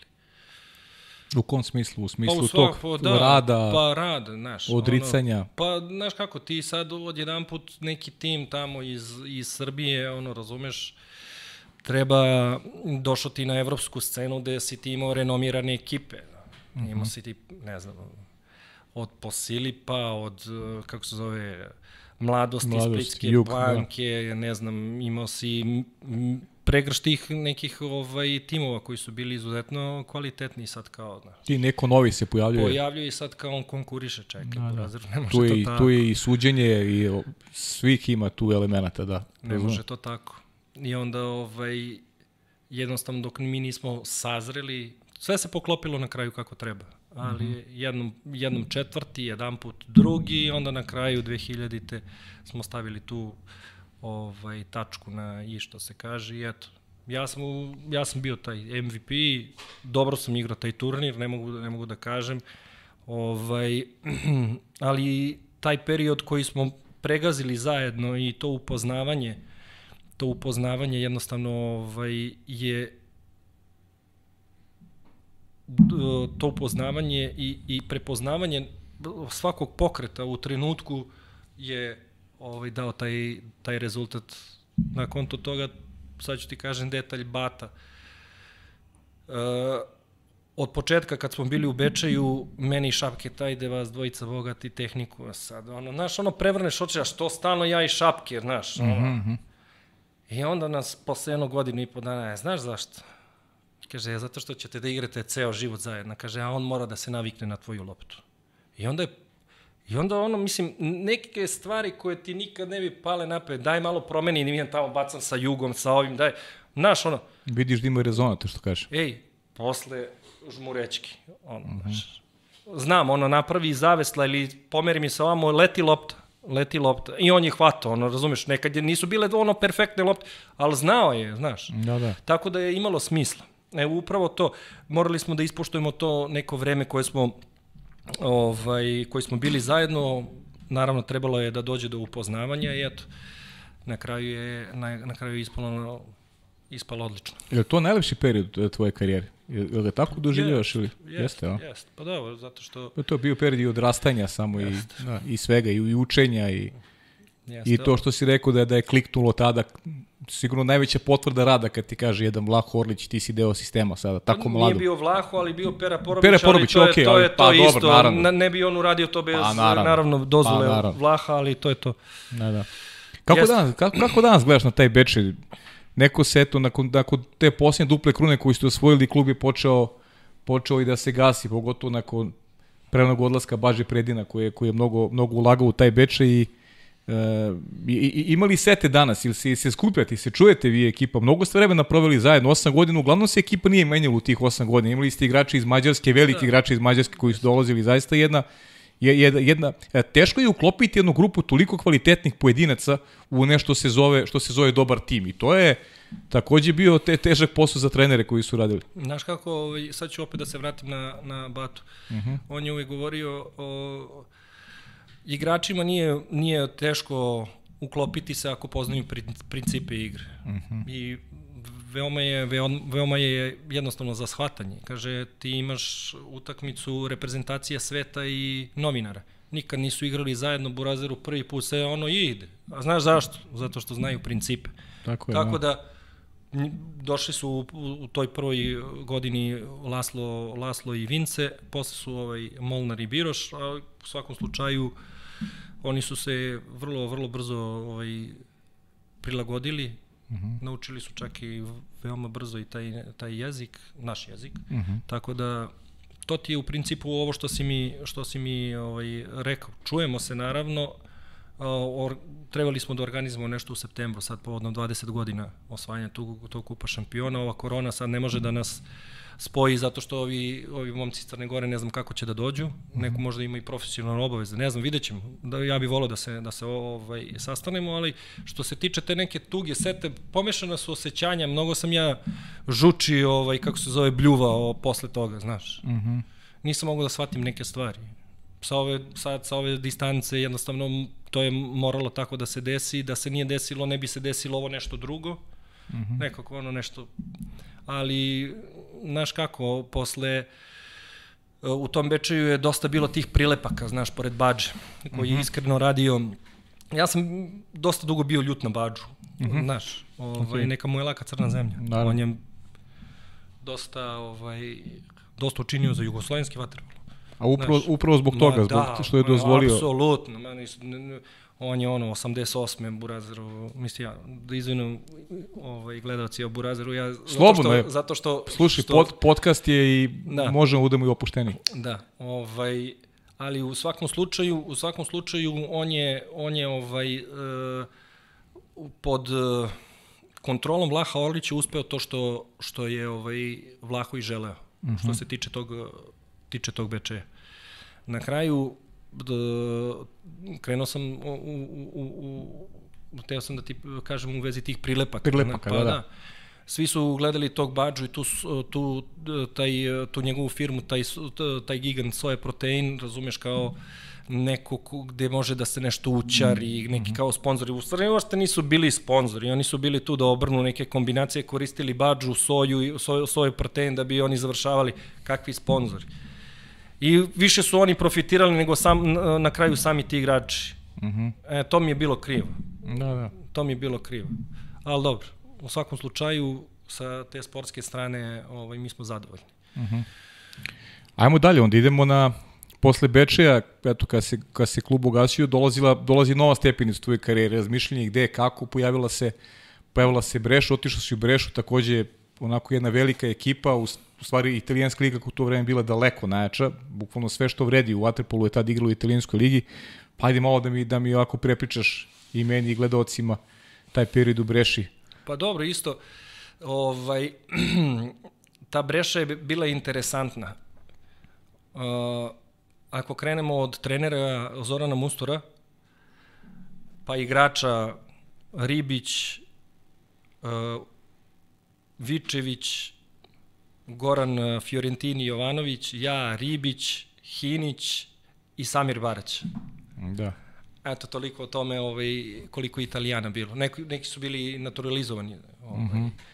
Italijani, ali imali smo jednu jaku ekipu sa, sa ovih prostora i mi smo uh, uspeli već prve godine da uzmemo uh, Len Kup i to smo uzeli Reku koji je bio izuzetno jak.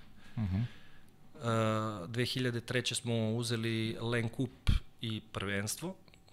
Opet, u, to je bila jedna, jedna sezona za pamćenje gde smo uh, u polufinalu sa Posilipom igrali uh, tri utakmice, tri utakmice ovaj, dobili na produžetke i finale na pet utakmica smo pobedili ovaj, Reko na zlatni gol. Isto su bili, sve utakmice su bile ovaj, produžeci, kao da smo se pretplatili na produžetke. Da, nevjerovatno. Tako da u tom, u tom momentu taj, taj Reko je imao izuzetno jaku ekipu, izuzetno jako od Vlade Dače, ovaj, Benedeka, a, koji je još bio tu, da, Kalkatera, Sandro Kalkatera, Um, Felugo, on je posle... Ne znam, Felugo nije bio tada, bio je mm, Fereti, uh, bio je na golu pokojni Jesus Roljan. Uh mhm. -huh. Bilo je izuzetno ja. A ovamo u Posilipu je bio Kašaš, Jerišov, onaj Rus, ne znam, uh. -huh. Štajmec i tako. Bile su izuzetno jake ekipe. Mislim, za, za, za to vreme, o, ovaj, možda se neko seća, možda se ne seća, ali je bilo ovaj, jako interesantno. Ja sam baš rekao Šapiću da ne patim njegovu bolju igru nego tada u finalu kad igrao za Savonu. Da, da. Protiv to je stvarno bilo, ali, ali Liga generalno, zaista, kogod je vredeo u svetskom vatepolu, tada je bio u italijanskoj ligi. Ono, ono je zaista bilo za, za, za uživanje gledati. I moglo da se gleda, to u to vreme Raj je bio, oni su redovno prenosili tada utakmice yes. italijansko prvenstvo i moglo da se gleda, gleda i ovde. Baš je bilo Interesantno. Spektakl, da, i pune tribine uvek. Yes. I, I taj koncept, Čiro, ne znam kako ti, sad kad pričamo o Bečiju, generalno taj uh, koncept malih gradova, gde ljudi žive recimo za sport koji nije futbal, nego recimo Beče koji u to vreme živeo za vaterpolo.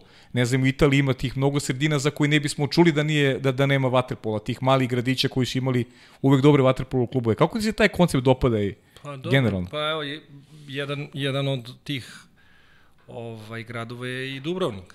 Da. Koji već, ne znam, decenijama samo gaji taj, taj vaterpol. Jest. I privreda, ona lo, lokalna je usmerena na, na, na vaterpolu. Da. Jug je baš onako pojam na, na, na svetskom nivou, Jest, zahvaljujući Dubrovniku, da. Znači, izuzeci potvrđuju pravilo, ali tako? Da. E, Šapić mi je pričao da on, da je, da je najviše napredovao u, kada je pitanju kvalitet igre njegove upravo u, tada u, u, u italijanskoj ligi. Kako ti pamtiš to vreme vezano za, neke, za neki tvoj napredak, za neku tvoju igru? Ovaj, ja mislim da sam u, u, tom, u tom periodu počeo da se menjam ovako kao čovek, ono, uh mhm, -huh, počeo uh mhm. -huh. si da, da lučiš više hormona. Uh mhm. -huh. I dobio si onako na, na, na snazi. Da, uh -huh. da si ovaj, sa ovim znanjem koje si stekao kod nas u Waterpolu, ovaj, uspeo da sastaviš sa tom snagom i onda si bio dominantan. I tad sam u stvari postao svestan koliko koliko odskačem i koliko sam učeniji od drugih i da sve ono što sam radilo, za sve ono što sam radilo i radio ima smisla zbog čega sam radio. Tako da u, u svakom slučaju sam uh, i ono što nisam što nisam uh, probao ili nešto što nisam mogao, tad kad sam shvatio išlo je glatko. Mhm, -huh, glatko. Uh -huh onda si, da ne kažem da si se sprdao, ali, ovaj, znaš ono, imaš tu, imaš te, taj kuraž, znaš, da, ma ide, neki, da, da, da. ma ide to, uh -huh, znaš, -huh. samo guraš. Da, da, da. Ali nije, nije, znaš kako, u Italiji su i otišao iz drugog, iz drugog ovaj, razloga, naravno, finansijskog. Finansijskog, ma, pa da, da. I više ti nije to toliko e, ono emotivno doticalo, znaš. Sad, mhm. -huh. o, i gubiš, o, znaš, ono, naravno, niko ne voli da gubi, da, da. ali nisam primao to ono srcu, srcu da. Da. da. da. da. Ti si tamo zbog toga, gledaju te tako, moraš da odradiš to. Da. I, a, a sistem te naučio da imaš taj pobednički mentalitet svakako, da želiš da pobediš, da budeš bolji od drugih. Sad ću da ti kažem, i e, pre nekih par dana sam pričao nekom drugaru, pitao me ono, kao šta te je vuklo, znaš. Uh mhm. -huh. Pobednički mentalitet, ja bih rekao da je to ponos. I to nas je Bata učio. Uh mhm. -huh. Ovaj, I znaš kako, ono, bogati, ono, kao, jel ima ponosa u tebi? Jel moguće da ti dozvoljavaš da ti to neko radi? Uh mhm. -huh. A da ti kao sediš, ono, i kao prolazi pored tebe. Da, da. Koliko se to, ovaj, koliko čovek se rađa s tim ponosom, to se u nekoj, u, u, u velikoj meri ističe. Uh mhm. -huh. I on je radio na tom ponosu i na poštovanju uh, saigrača, trenera i ono što se dogovoriš. E, upravo sa tim tebi je sve ostalo lako. Ponos. Neko da me pravi budalom. Možeš da me pobediš, možeš da probaš, ali da me praviš budalom i možda je ti pođe jedan put, ono, da, da. ali Znaš kako, niko nije, niko nije ovaj, kako se zove, uspevao sa, sa tom našom starijom generacijom, počevši od Šeleta, Peleta Zimonjića, Šapketa, Petra Vujasa, Dače, mene, ne znam, to se znalo, porazaš. Mm -hmm.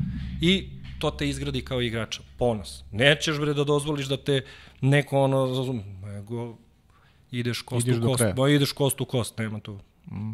I si imao u karijeri, pošto ti nisi neko ko onako važi za neko ko igrača koji ima neke, da kažem, ekstremne ovaj, situacije, ali i si imao, sigurno u bazenu se dešava svašta, si pa imao te neke duele, ili, ili ima neko da ga baš pamtiš ono, da bi mu onako... Pa ne, ja sam imao tu, kako se zove situaciju, 2007. da sam, to mi je velika mrlja u, u karijeri, Aha. gde sam udario jednog igrača, ovaj, gde sam polomio, gde je završio na, na maksiofациjalnoj hirurgiji. Uh mhm. -huh. I to mi je jedna velika, ovaj, sad slobodno mogu da kažem, jedna velika mrlja u karijeri. Uh mhm. -huh ishitreno sam reagovao. Isprovociram, pukao si negde, a? Da, to vuče nekako, znaš, mm -hmm. i samo... Ja se je... to pamte dueli iz nekih ranijih gde da, da, da. utakmica da. i onda samo to eskalira, je tako? A? Da, ovaj, iz tog razloga je uvek uh, bitno taj prvi moment sa bilo kojim igračem, da li je novi ili stari, taj prvi moment da, da oseti ovaj, tvrdo. Mm -hmm, I onda da. posle, znaš kako ti je lakše da igraš. -hmm. Nema tu udaranja, ali znaš šta, možeš ga, ja u, u, uvek ponavljam, možeš da ga daš, ali namučit ćeš se. Da, da, namučit ćeš se, ozbiljno ćeš se namučiti, pa ako ti se isplati, ti opet probaj. Ali taj prvi duel ćeš da zapamtiš za sva vremena. Mm -hmm. Ja ću možda dobiti isključenje i tako dalje. Igram, naravno, u, u, u, u toj granici ovaj, pravila, mm -hmm. i da vidimo. Nekad nekad smišljeno sam prelazio tu, tu granicu, ali ovaj, zato što zbog te moje neke, ajde da kažemo, sposobnosti ovaj, u odbrani, mnogi su hteli da me namagarče što mi nije prijelo i nisam mogao da dozvolim. Uh mhm. -huh. I onda sam reagovao možda na neki malo drugačiji način, ali bio sam oštar onako, ja. igrač. I upravo iz, iz tog uh, razloga što su nas naučili da budemo uh mhm. -huh. ponosni. Znaš kako kažu tvoje kolege, mislim, ovaj, pričao sam sa nekima, pa evo, iskreno Jugoslav mi kaže, Ćira, top igrač od prvog do posljednjeg dana. Pa, I to je to, kaže, koga Ćira čuva, taj bolje da ne dolazi na bazen. Pa dobro, mislim, ovaj, ja sam se uvek, uvek sam se vodio tom, uh, tom, tom, tom stvari da ti moraš da imaš jedan nivo. I ne možeš mm -hmm. da ideš ispod tog nivoa jer si onda, nisi, nisi nisi taj top igrač. Mislim, mm -hmm. ti moraš da držiš jedan nivo. Mislim, da. ne možeš da dozvoliš sebi neke, neke gluposti. Sad, ja kažem, ovaj, ne može da ti se desi da ti ne vidiš, ne vidiš igrača ili nešto da ti se desi da ti prođe neko, to, to, to, to ne sme, jer to su neke, neke, neke greške početničke gde stvarno padaš u očima. Ne. Uvek sam se dobro pripremao za utakmice, u velikoj meri je to trening bio, znači, bezbroj, bezbroj ponavljanja i onda ti je posle bilo lakše. Ali ovo kao što si rekao i za, zašto sam prestao da igram, osetio sam da više nemam žara, mm -hmm. da ne bi, da ne bi ovaj, u, kvari utisak i sve ono što sam do sada uradio, odlučio sam i da, da prekinem svoju sportsku, to je ne sportsku, nego igračku, igračku karijeru. igračku karijeru. Zašto da ovaj, stavljam to u neku mrlju ili da neko komentariše, nije to više, ne, kad si najbolji, ostavi se toga, pa nek te pamte ili neka sude ovaj, kako žele. Uh -huh. e, kaži mi, da, da zaključimo tu, tu brešu, ovaj, um, da li pamtiš neki, nešto specifično za taj pre, period, neki detalj ili uh, mesto koji si video, prijatelja koga si stekao u to vreme? pa svi su, svi su vezani za, za Waterpolo. Primjer, taj Piero Borelli koji je bio direktor direktor um, Breše, nažalost je ovaj, umro. Uh -huh. On je isto ovaj, bio opčinjen i, i bio je uh, bio, živeo je za Waterpolo. Kao i Bađa pokojni. Sve nam je davao. Sve nam je davao. Sve, sve, sve nam je omogućio. Ovaj, I iz tog razloga smo i imali, imali te neke rezultate. Posle se nešto tu, da kažemo, promenilo u, u, u, u, tom klubu, ali on je uvek bio tu nešto sa strane i, i, i ovaj, dovlačio je sponzora i tako dalje. Piero Borelli, neka moja laka crna zemlja, ovaj, on mi je ostao u sećanju i kako se zove Giovanni Foresti, on je ovaj, isto igrao moju stranu, desnu stranu, on je iz Bergama i do dan danas smo ostali onako ovaj, dobri drugari, čujemo se redovno i O, a sad nešto interesantno, sigurno je bilo tu interesantno. I da, izvini, što, šta me vezuje za Brešu, uh, Igor Hinić i Samir Barać. Aha. To su pre svega divni momci. Da, veliki su igrači, Šampioni. šampioni, da. Šampion. Znaš, on kad ti kažem šampion, onda je šampion. Se, su- potrudit će se obojicu da dovedemo, Obojica ako bude su, bilo prilike. obojica veliki profesionalci, riječani, jedan i drugi. Ovaj, to, to, to druženje i ta, to razumevanje, ovaj, pogotovo u bazenu, divno, div, div, mislim, i tu je bio i Ribić i, kažem, i Vičević, ali ovaj, njih dvojica su mi onako legla nešto, ne znam, nešto, da, mnogo puta sebi kažem, zbog čega sam ovo zaslužio ovako, da mi se ovako dešava. Iz jedne, znaš ono, pravo osveženje, ta, ta breša bila, imali smo tih finansijskih problema u, u, u- Bečeju, pa onda uh, vukli smo to dve godine, pa mislim, malo onako tužno, znaš, pa nemaš ni rezultat, ono daješ sebe koliko možeš, pa onda ono bombarduju, znači nakačilo se milion i jedno, ovaj, milion i jedan problem. I onda dođe ta breša onako poprilično onako napaljen da pokažeš ono šta si naučio i još ova dvojica velike šampioni, ta ekipa, znaš ono kad te neko pusti, ono ide, mm. ide samo. Da, da. Tako da, eto, to mi je ostalo od, od Breša. I naravno ti rezultati tri, tri Len kupa i, i ovaj i Scudetto. Da. Da, zlatno vreme italijanskog vaterpola kasnije pričao je tome i, i Šapke pričao o tome.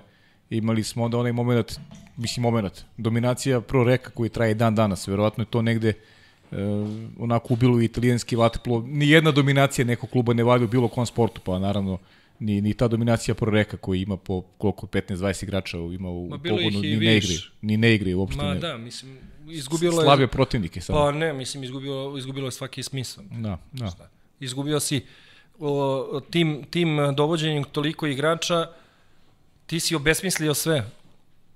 Više, izgubio si Savonu, izgubio si Posilipo. Znači, i sad, ali pazi, ti logički ovaj, razmišljaš, ti logički ovaj, razmišljaš i ti ljudi koji investiraju ili hoće da ulože u taj, u taj sport, pa šta imam da ulažem kad neću da, ne, nisam ni blizu. Tako je. Razumeš? Mm. E, u, u, tom, u tom smislu. Sad ovaj, ovaj, uzima igrača da bi, da bi oslabio onog tamo, a ne koristi uopšte. Ovaj, da, znaš, bez veze. Bez veze. I mislim da je to je, ovaj, da, da im se to vratilo. Ne samo reku, nego i italijanskom vaterpolu. Da, da. Repestivno vaterpolo. Ma misliš? da, da. da. E, ajmo sad idemo na, na period e, koji si proveo na moru. Prvo u Budva, Budvanska rivijera, manje više vratio si se u domaći vaterpolo na- nakon te epizode u Breši, ponovo si igrao Ponovo si igrao za dobru ekipu, naravno nisu izostali tamo ni trofeji, kako pamtiš taj, taj Pa ja, period? u ja sam se malo, ja sam se ponadao da ću ajde kao da odem u Crnu Goru, malo kao da odmorim kao lakša liga, ono, znaš, bilo mi je previše. Mm -hmm. I onda ono, kad je krenulo pojačavanje ekipe, ono, sačuvaj Bože, ja rekao, opet, opet, Opet na nož. opet na nož. Opet na nož. I tad je bio taj primorac izuzetno jak, bio je Herceg Novi, bila je Budva, mi smo uspeli ovaj, samo da osvojimo te, u, bio sam tri sezone, uspeli smo samo da osvojimo ovaj, kup, kup Crne Gore, ali kako se to podelilo te godine, na primjer, He- Jadran Herceg Novi je uzeo prvenstvo, a Kotor je uzeo Ligu šampiona. Šampion, da. Znaš. Pa i to je zlato vreme crnogorskog vaterpola. E pa to i, i s, s, neverovatno kako sam kak, kako sam išao iz države u državu, tako je to bilo ono neočekivano ovaj najjača najjača liga. Kako si teo slabiji, ono postajalo još jače. Da. Da, ali dobro, to je to je nešto ono Ili Kataro bio to vreme ili Jest, već jeste jest. Katar? Zadnja moja zadnja moja sezona je bio Katar. Pa oni sad uzeli Len Kup. Len čini. Kup jeste. Da. Jeste. Na četiri jaka kluba, pritom nisu ni ta druga gostovanja bila laka, nisu, verovatno. nisu, nisu. Oni su baš ulagali u to vreme. Jeste, jeste. Bilo je kratko, ali ulagali su. Ko igru budi u, to, u, tom periodu? Pa, m, znaš kako, bio od tih, ajde da kažemo, zvučnih pojačanja, ovaj, Šele i ja, uh -huh. bio je Veljko Skoković tu dole, mm, koji je još bio, bio je uh, uh, uh, uh, onaj Japanac Kana Oyagi, on je isto igrao sa mnom, zaboravio sam, on je igrao jedne godine sa mnom u, u, u Breši. Uh -huh. ovaj, Kana Oyagi, e, samo da se setim koji je još igrao. Ovi su bili, ovo su bili mlađi igrači.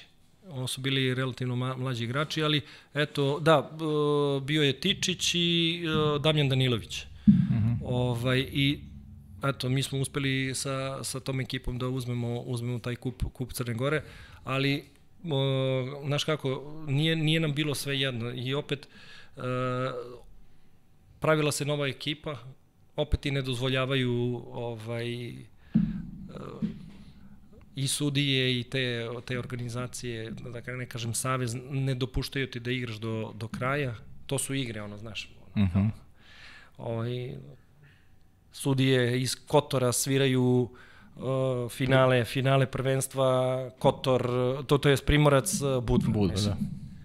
Malo ti nelogično, ono, Čale, Čale sudi sinu koji igra protiv nas. Da, da, da.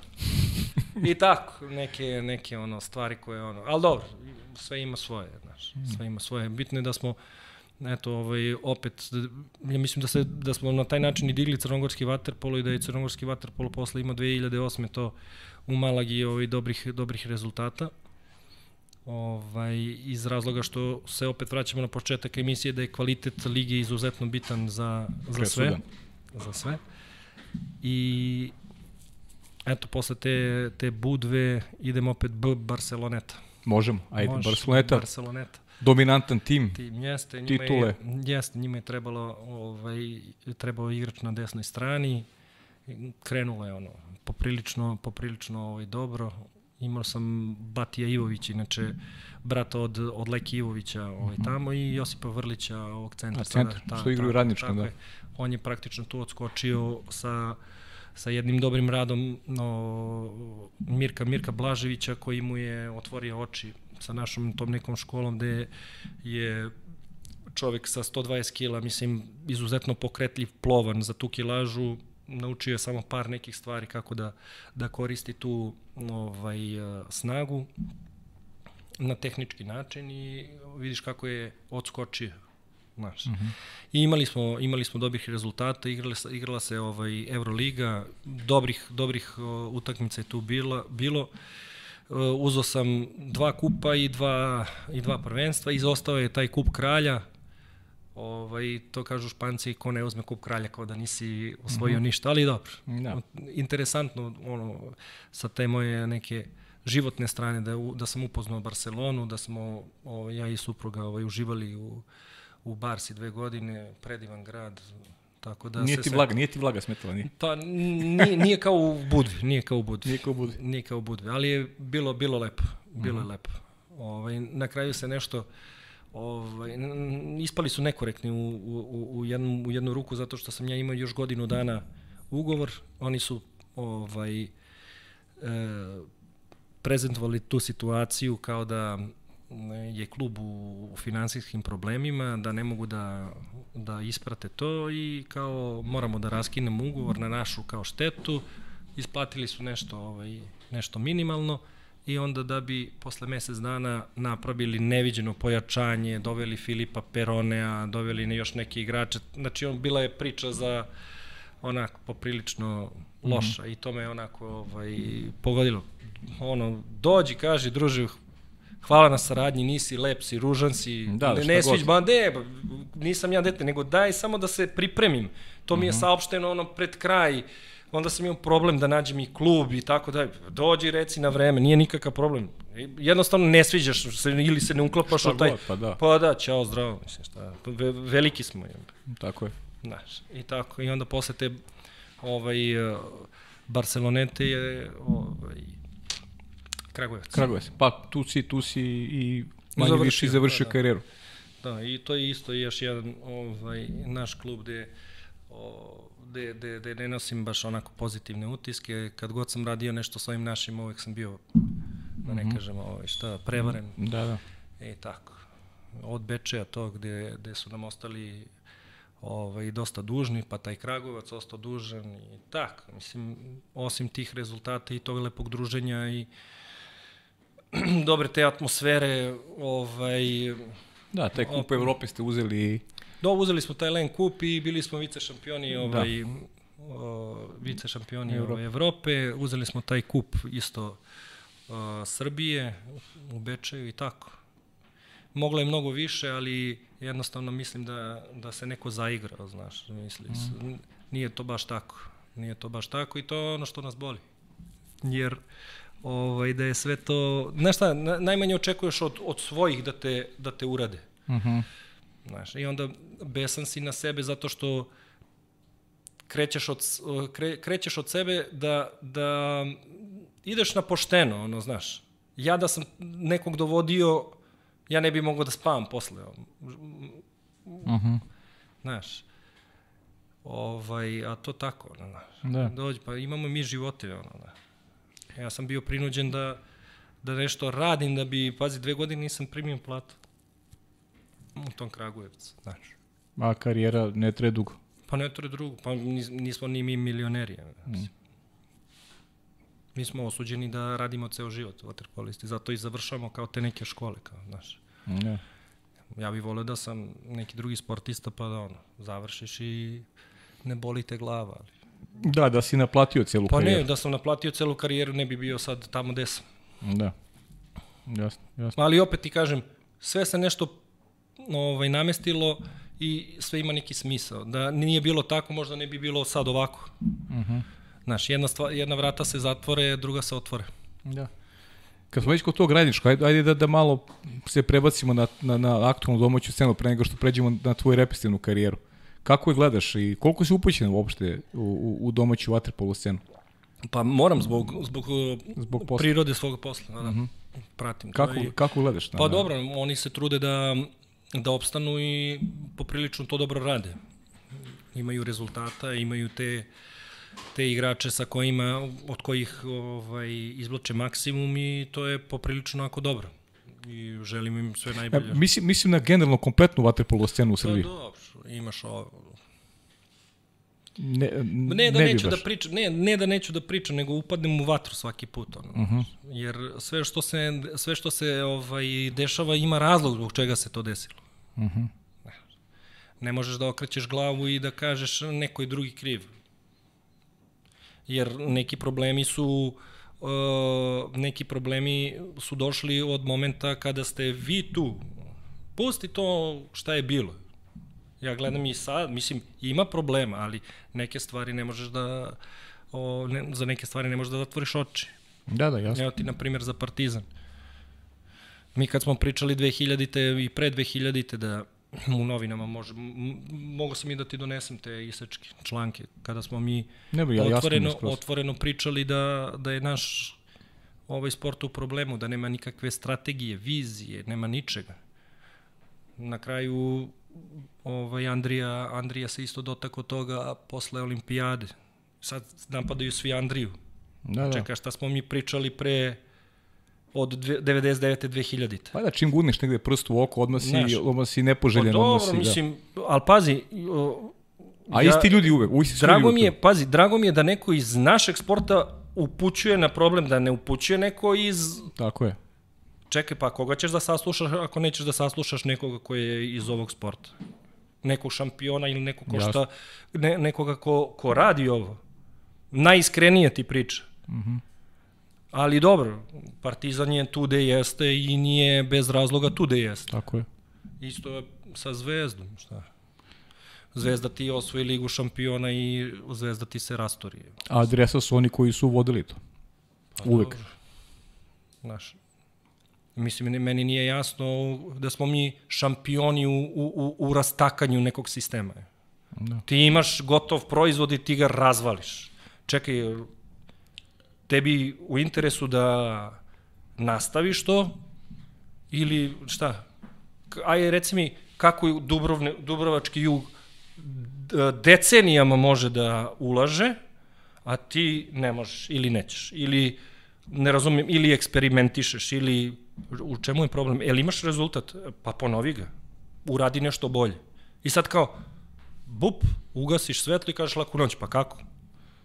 Gde, gde je odgovornost ti koji su vodili, gde je odgovornost ovih gore, znaš, i sve je ono prebacivanje loptice, ono, znaš.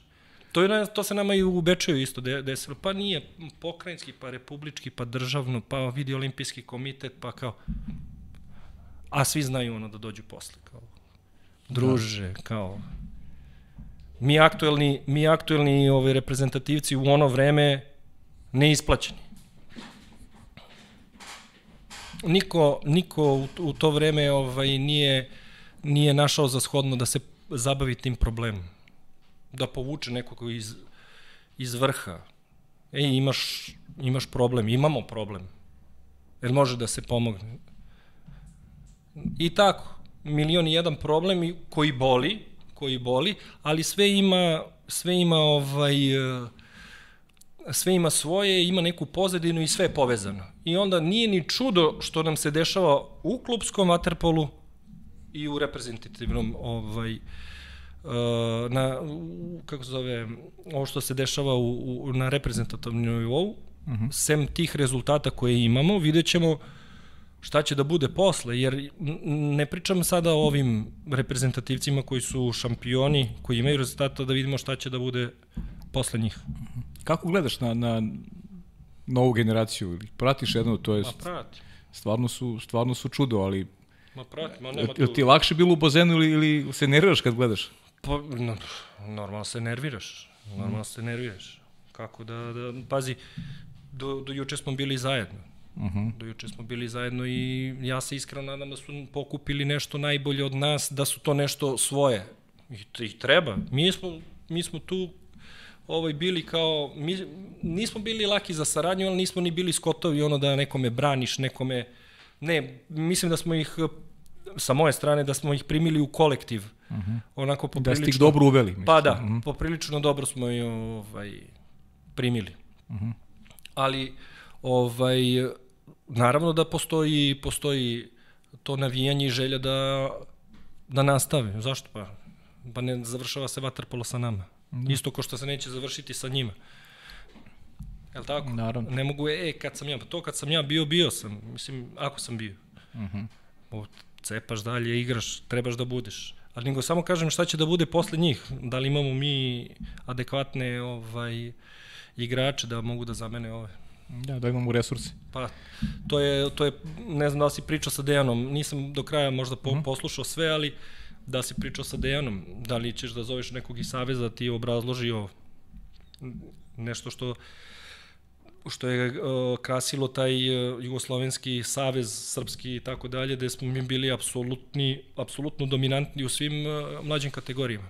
Sada Da, znam Desiti da. se da, da smo nešto od Amerikanaca izgubili, ono 15 nešto, ono, znaš. Mm. Kako je to moguće? Ne možeš ti da, da ovaj, kako čujem i pričam sa trenerima, ne možeš ti da daš malo, malo termina i, i malo prostora igračima koji trebaju da, da ozbiljno rade. Kao efekat. Kakav efekat sa, sa igračem koji treba da ti ore ovde, da bi ga izbacio? On traži mesec i po dana priprema, on mu da 15. I onda posle se čudiš. Ali to je ono što, na primjer, e, taj, taj naš sistem koji je bio besprekoran ovaj, sad gledam, druge reprezentacije su preuzele, a mi smo to stavili po strani. I onda sad gledam neko, neću da pričam, ajde, ko je prvenstvo, gledam prvenstvo, igrač više španaca, to ide lopt, to tečno ide. Mi, on, oh, problem, čekaj. Nešto što je nas krasilo, drugi su preuzeli, a mi smo se vratili na staro. To ti je samo jedan detalj, da ti ne pričam druge ne. detalje koje meni upalo u oko, ali to, to mora neko da se ozbiljno pozabavi sa time, jer bez, bez rada mlađe kategorija nema. I u klubovima, naravno. Ja se, evo sad da ti kažem jedan detalj, mene kole pozove, tada sam 2014. igrao sam u Radničku, slobodno mi bilo leto, i Kokta me pozove, kaže, ajde Čiki ti sa mnom da, da mi budeš tu desna ruka demonstrator, kao, znaš, uh mhm. -huh. bio je jedan, bio turnir uh, Dejan, uh, Dejan Čukić uh, na na Banjici. Tu ne znam koliko, 12, 13 ekipa, 14 ekipa iz svih zemalja. I na Košutnjaku smo radili i kaže meni kokta, ajde kao Čiki uzmi ovu grupu, pokaži im kako se radi tehnika nezguna i sad ja ovaj, uhvatio tu grupu i sad objašnjavam tehniku primanja lopte. I sad korigujem tu nekog momka ovaj, koji je imao pogrešan položaj. Detalj ti samo pričam. Mm -hmm. Ja rekao, ovaj, ruka ti je ovde, primaš ovde, gurneš i ta sad da ti ne objaša, ovako me pogleda i kao ovako. Prebrno očima, da. Znaš, ono, meni neshvatljivo. Pazi, nebitno je ko sam ja. Tako je.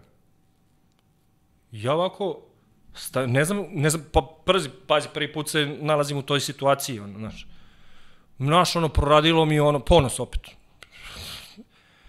Ja odem kod kokte, ovaj, kako se zove, koji je, kokta, šta je bre ovo, mislim, ovaj, kaže meni kole, kaže, slušaj Čiki, kaže, ti si moj saradnik i imaš prava da radiš sve kao i ja.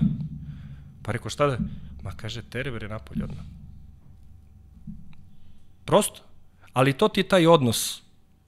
Kad smo mi ono radili i kako smo doživljavali da. nekog da ti, i ovo sada. E, to ti je jedan primer. To ti je jedan primer. I to je, na primer, neka generacija koja je, uh, to je 2014. dobro, ovaj, koja treba da već barata ozbiljno sa nekom uh, tehnikom i tako dalje. Oni, e, to je, to je već lakmo straka da nešto, pazi, ti dolazite iz najčeg kluba, iz te institucije što mi govorimo, ne zna osnovne stvari. Da, da. E, pa i odnos generalno, znaš, tebi, tebi su roditelji gledali sa Nikolom Stamenićem da imaš individualni rad, da se žrtvuje da bi ti napredovao, a ovde danas, a, ali ja koliko znam, u to vreme nisu mogli da gledaju roditelji treninge da dolazi da, da budu na tribinama. Sad ne, se promenio potpuno pa ne, ovde ti ono... percepcija, odnos, sad, sad kad ti neko povisi ton od trenera, od toga se pravi, od toga se pravi je, drama.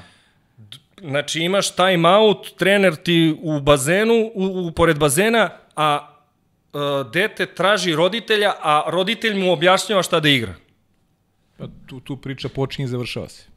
Da li me shvataš? Shvatam, pa naravno, da. Urgiranje, ovaj, u, izvini, u naše vreme se prosto znalo.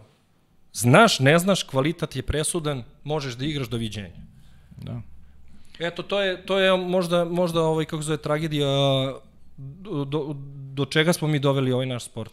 To je bilo ne, nezamislivo.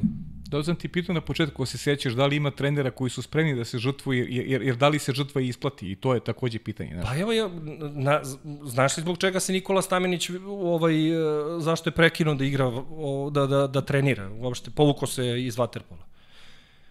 Ne znam koja godina bio, u Marselju smo, Marselju smo se sreli, o, čao Nikola, čao, šta ima, kako, i sad krene tu ona priča, i dotakli smo se naravno nekih tehničkih detalja, gledao sam te, Nikola je bio onako, ovaj, uvek, uvek otvoren, profesionalan, mm -hmm. kao povedi račun, sve onako kroz, znaš, i ovaj, rekao, kako ste vi, kako vam je ovde? I sad mi pazi, pa šta mi je rekao?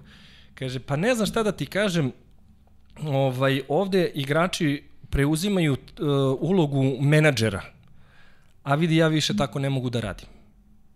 Znači, igrač, ono, je Nikola, da uzmemo ovog igrača ili ćemo bolje na pripreme ovamo ili da odigramo ovo. Kaže, ja tu sebe ne vidim. Mm. I mhm. čovek sledeće godine, pošteno. Povuku ne... Pinkley Ćao. i nema ga. E, to ti je to. Ti je to. Da, da. Ajde da prođemo kroz, da prođemo kroz svoju represivnu karijeru. Uh, ti si zaigrao još 1995. za, za Jugoslaviju, kod Nikole Stanić, to su bili kvalifikacije za olimpijski igre u Atlanti. Uh, na koje kasnije Šapić je debitovao tada igru, ti nisi e, zbog povrede. Jeste, ja sam imao neku povredu leđa, uh mhm. -huh. ali dobro. Bilo je, znaš kako, na tim kvalifikacijama za olimpijadu Nikola je o, napravio jednu ekipu koju je pripremao za olimpijske igre. Tu je došlo ne, do neke do neke ovaj čarke u, u Savezu, pa je Nikolu zamenio Dragan Andrić, pa tu su Igor i Šole nešto isto preuzeli funkciju uh, ovaj, ne znam kakvu su oni funkciju imali, mislili su da, da mogu to da ishendluju i tako dalje i uh, Dragan Andrić je opet promenio ekipu, dove te starije igrače koji nisu bili u toj ekipi koju je Nikola pripremao. Tako da ovaj, ja sam i sa Draganom Andrićem nastavio na, da radim ovaj, tim priprem, priprem, ali eto, desila se ta povreda. Ovaj, nisam otišao na tu olimpijadu i to leto 96. mi smo imali to evropsko prvenstvo u, u Istanbulu za juniore, gde nam se Aca naknadno ovaj, priključio, on je odigrao olimpijadu i onda smo tamo ovaj, demonstrirali silu finale, finale, ovaj, kako se zove, sa Jovovićem. O, Mađari 13-3. E, od 97. Čiro, punih 11 godina nisi propustio ništa kada pričamo o velikim takmičenjima. Sem 2005. 2005. To ćemo posebno da pričamo, da, to, to je nešto se ja napravio lapsus na početku i osvojio si tri olimpijske, tri olimpijske medalje. U Sidneju, Atini i Pekingu uh, nije bilo zlata, nažalost.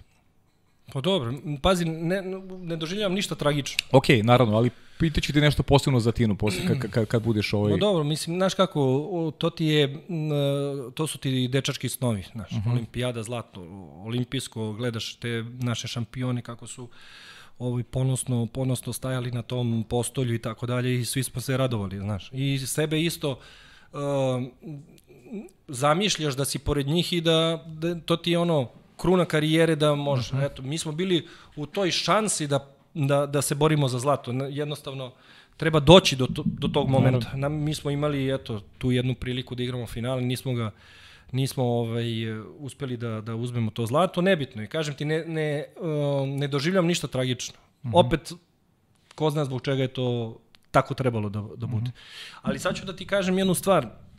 Svi zaboravljaju taj, taj period uh, neigranja reprezentacije od četiri godine koje su pogodile Jugoslaviju zbog sankcija. Jel ti vidiš koliko je nama trebalo da uzmemo olimpijsko zlato? Da. Jeste. Jel tako? Tako je. A sad da ti vidi, vidi jednu stvar. Samo da ti se nadovežem na onu staru, na onu pređašnju temu. A zamisli sad, sad koliko će nam trebati da ispravimo sve te probleme da bi napravili drugi E, toga se ja plašim. Da da će biti možda još duži put do sledećeg zlata, misliš? A možda ga i ne bude. A možda ga i ne bude, da. Ja bih vole, pazi, ovi sada imaju kvalitet. Ne, ne, pa dobro, ne, ne, ne računamo ovu generaciju, ne, ne pričamo o ovoj generaciji, nego posle njih, jer posle mi, njih. Mi moramo da, da, da razmišljamo i sigurno Dejan razmišlja. Da, da, ne, ne, ne pričamo o ne, Tokiju, da. Ali ti kažem, samo četiri godine koliko su bile razorne za, za ovaj, kako se zove, naš vaterpolo i koliko nam je trebalo da uđemo Mi smo 2000-te uzeli prvu medalju. Ne, ne računam 97. Sevilju, mm -hmm. nego zlato. Jer Nikola da, ovaj da. pričao, mene ne zanima, mene zanima zlato. I to je, to je praktično to. Mi smo 2000, u, 2000 u Budimpešti uzeli prvo, prvo zlato. E vidiš ti koliko je to trebalo. 2001. a? Ili da, da, 2001. 2001. 2000 je bio Sidney, to je. Da, bravo, 2001. 2001. Eto, izvini, mm -hmm. ispravio sam. Eto. Mm -hmm. Vidi ti koliko to treba. E, malo sam, malo sam ono skeptik.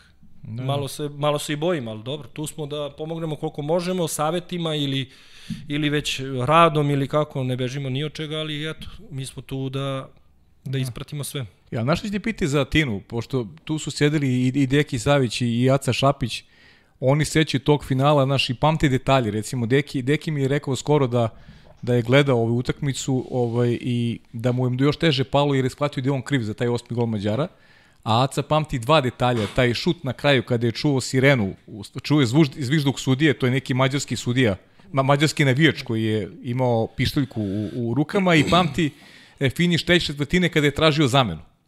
E, kako ostaju urezani ti neki detalji sa tog finala koji je stvarno bio vaša najbolja prilika za to zlato.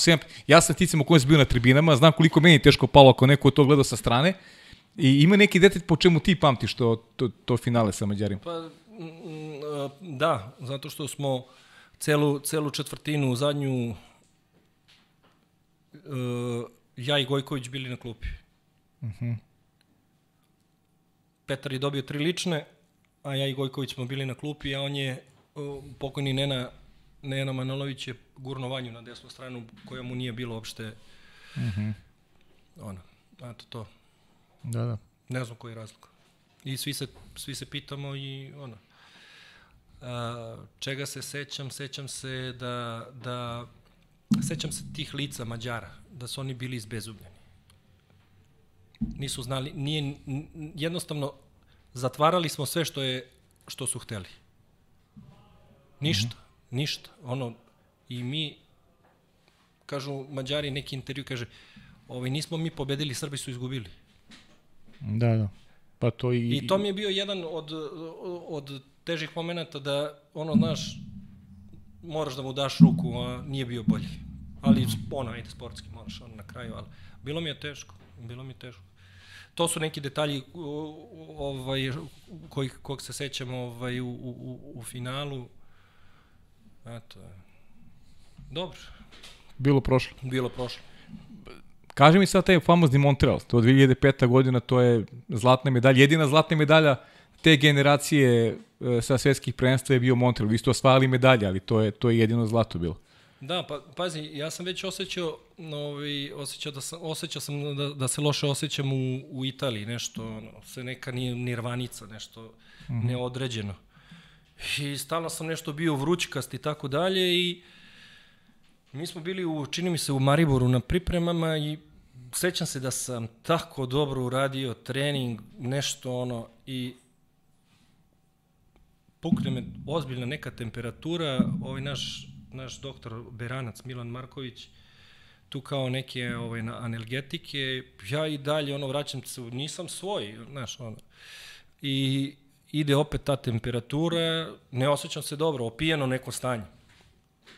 I ništa, krenemo sa tim analizama, na sve sam se testirao, ono, da bi ovaj, na kraju i te srce, te glava, te ovaj,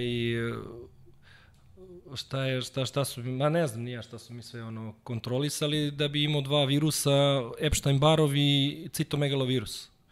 I to me onako prilično odvojilo od, od bazena jedno šest meseci, onda sam polako ovaj kre, krenuo da se, da se oporavljam. Ovo opet nova sezona u Italiji, ali iskreno da budem i svi, ono, ko, svi koji, koji slušaju moraju da znaju da nisam više bio onaj kao pre. -huh. Brže sam se umarao i ovaj, nisam, nikad više nisam bio kao pre. Mhm. Uh -huh. A se sećaš se Viljana 97. godinog poraza Mađara? On, on, pa- ono je utakmica najmanje golova u finalu, vjerojatno pa, da, 3-2. Za to smo se i pripremali. To je bilo ponavljanje do besvesti kod Nikole. Uh mhm. -huh. To je Kašaš valjda dao sva tri gola u da, tom finalu. Da, da. Pa dobro. Ali za sve smo se pripremali, pripremali smo se. Znaš kako ti je to izgledalo? Mhm. Dođe ti Nikola i sećam se, to je bilo, bilo finalno, bili smo nešto u Majdanpeku, ono, 25 dana. Ono. I imali smo te neki završni turnir i posle turnira smo trebali da dođemo u Beograd. A kaže Nikola, e, koji ćete, kaže, u Beogradu, ajde mi još jedno 3-4 dana, ono, mi izgoreli, mi izgoreli, ali ništa. Znaš kako ti to izgledalo, ta tri zadnja četiri dana, ovaj, on ti na ivici kaže, e, ajmo sa Špance. I sad, ono, sve šta rade Španci, pa onda kad završi, e, ajmo sad Italijane. Pa onda Italijane, pa onda kaže, e, ajmo sad, kako zove, Mađare, pa Mađari mi smo ih naučili na pamet. Na pamet. I onda ni bilo kako, za žmurečki, ovo ide tamo, sve znaš, sve znaš. Ali to ti je ta priprema i to je ono što oni kažu kad kao kad ide student na, na, na ispit, ne moli Boga da mu lete ta dva pitanja, nego on mora da zna celu knjigu i to je to. Mm. Nešto poput ove generacije aktualne i tvoja je bila dominantna na evropskim prvenstvima. Tri zlatne ste osvojili i, i Budimpešta, sveća se tog finala sa Mađarima, te 2001. što si rekao, pa krajnje ono čuveno finale, možda i verovatno i finale koji će se pamtiti onako najviše s obzirom na sve one prateće stvari. Aca je tu bio prošle nedelje rekao je da da veruje ako da su da, da smo vodili tokom utakmice taj meč ne bi ni završio sigurno nego nego za koji za za za, za meč u Kranju. Aha. Jer je to Hrvatska vodila konstantno pa je tek pre mislim zbog ambijenta celog i navijača koji su bili na tribinama i onda taj Beograd koji je verovatno najlepši osećaj kada kada osvojiš pred svojim navijačima najsjajniji odličje. Pa na, moj, moj utisak, možda, uh mhm. -huh. mož, moj utisak. Znači, sva ta evropska prvenstva su u nekom smislu bila jača nego olimpijada, jer ti mhm. -huh. na olimpijadi imaš i ovakvu ekipu i onakvu ekipu, dok smo mi bili. Pa ti bude i neki Kazahstan, pa tu, znaš, možeš malo da kalkulišeš, ono da nema... A na evropskim prvenstvima sve... Uvijek jako. Od Rusa, Italijana, Grka, Holandjana, Slovaka, mislim, to je izuzetno bilo ovaj, interesantno. Koji ti za tri? Hrvati, Španci, da. Nemci, znači, uh, baš je bilo, baš pa, je bilo. Tad smo, ako ja sećam dobro, i, i, i Rumuni nisu bili bauk u to vreme. Teški utakmici bili su Rumunima. Izvukli, Dek je dao protiv, protiv Slovaka zadnji go nešto, mučili smo se ono celu utakmicu. Uh mhm. -huh. deki ga podbu po, u rašlji tamo, ono, znaš. Šta, šta pamtiš najviše od toga? Jel ti krajno ostao isto tako urezan baš zbog tih pratićih stvari od, od ta tri evropska prvenstva? Ne, na šta mi je ostalo? Od evropskih? Uh -huh. Ne, ta Budimpešta. A Budimpešta? Da, zato što smo ih tukli tamo. Tamo, da. Ovaj, I taj, taj, kako se zove to finale, kako je počelo. Ovaj, sećam se, kiša neka, ono, ljuljnula, ozbiljna, pred finale. Mi se poređali ono kao predstavljanje, ovaj, naša himna, oni puštaju tursku himnu. Aha, mi što si to... Da, to ti je interesantno. Da, da. A to, to onda još, još više te... Pa, poprilično. Da. Ljudi, inat provodi, on, on, onda naš na inat, pa ona nije i sve. inat, ne, znaš kako, Bata ti uvek govorio, pusti to, to naš inat. Pusti ili, inat, da. Ili znaš, ili ne znaš. Pa dobro, da. To kao sreća, inat, kaže, to zaboravi.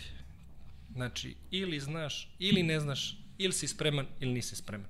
To kao, to zaboravi.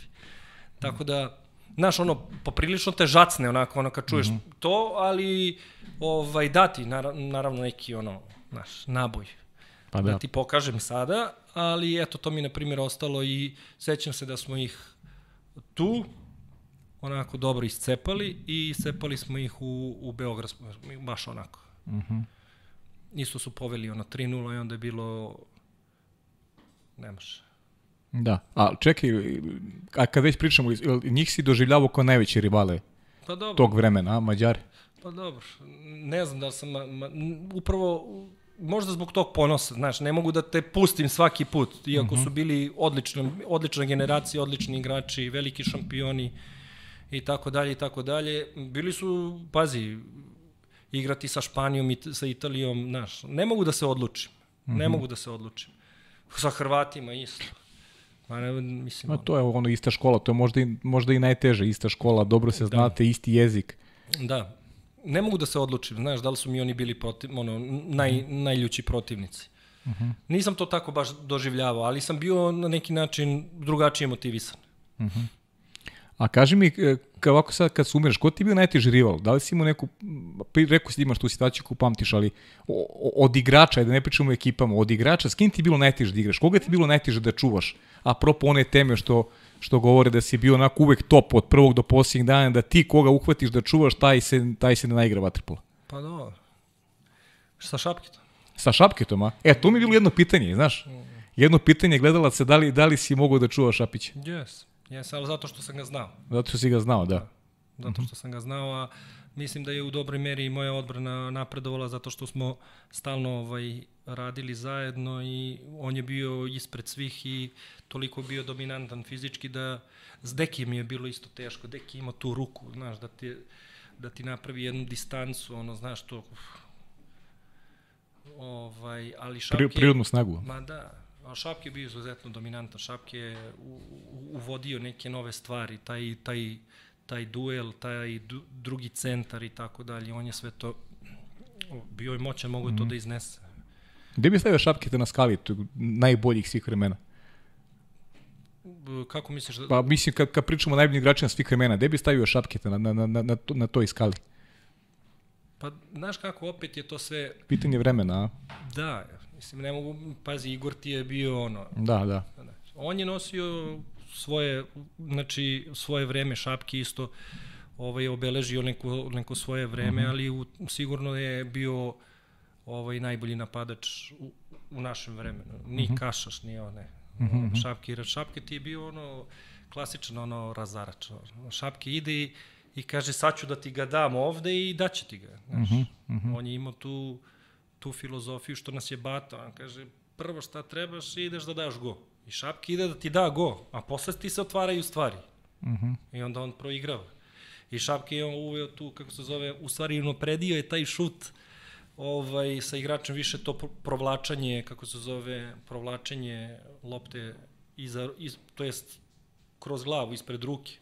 On je to ovaj, usavršio, to je bio jedan odličan igrač, Dušan Dule Ćirković, on je iz Kotora, ono, ali igra u Beče i on je imao to provlačenje kroz glavu i onda ne reaguš i onda je Šapke dosta to unapredio, onda Šapke mm -hmm. imao ispod ruke, preko ruke, imao je noge, imao je sve, pa da ti pomeri. Ma, imao je repertoar šuteva, mogu svi... Mm -hmm. Da, za svaku situaciju je imao, imao ovaj, odgovor. Pa, mm -hmm. da. Tako da, ono, izuzetno mi je bilo teško, ali moja prednost zato što sam ga znao i zato što ovaj, i zato što um, zato što mi je bio to izazov. Znaš, igraš protiv najboljeg. Ono. Mhm. -huh. Eto.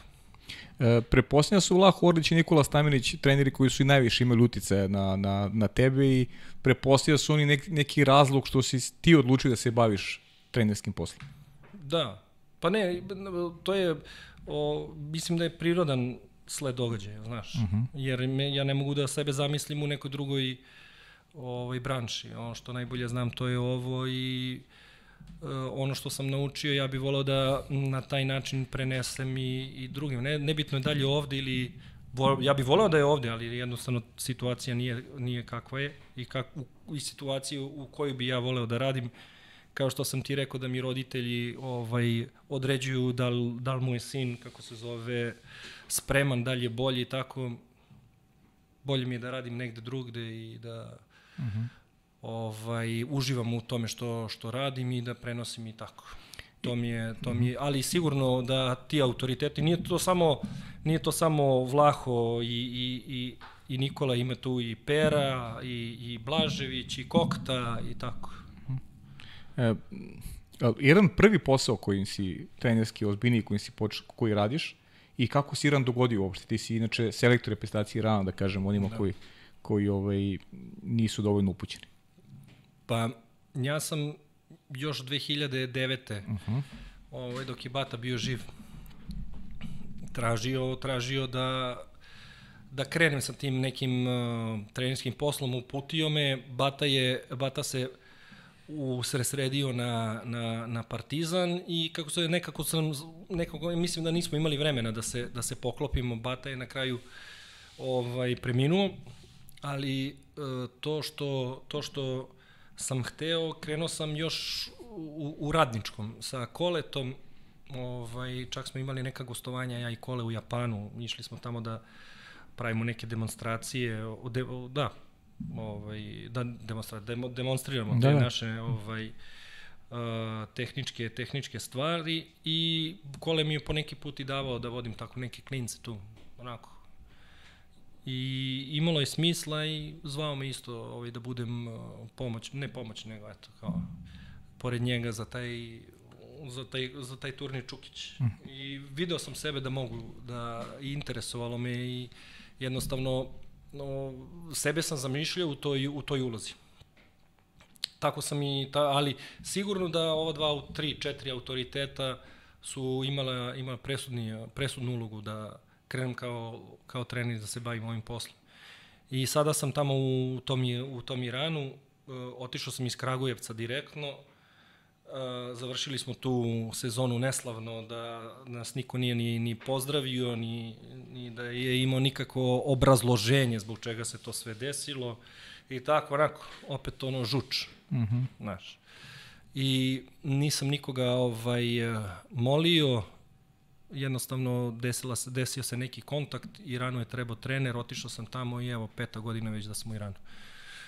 Tako da bilo je tu nekih bilo je tu nekih ovaj kontakata pre, Vlada me isto to je bila zadnja godina kad sam išao, igrao u Kragujevcu, Vlada me Vuja sazvao ako hoću da, da krenem da radim trenerski posao, da dođem sa njim da, da, ovaj, da radim.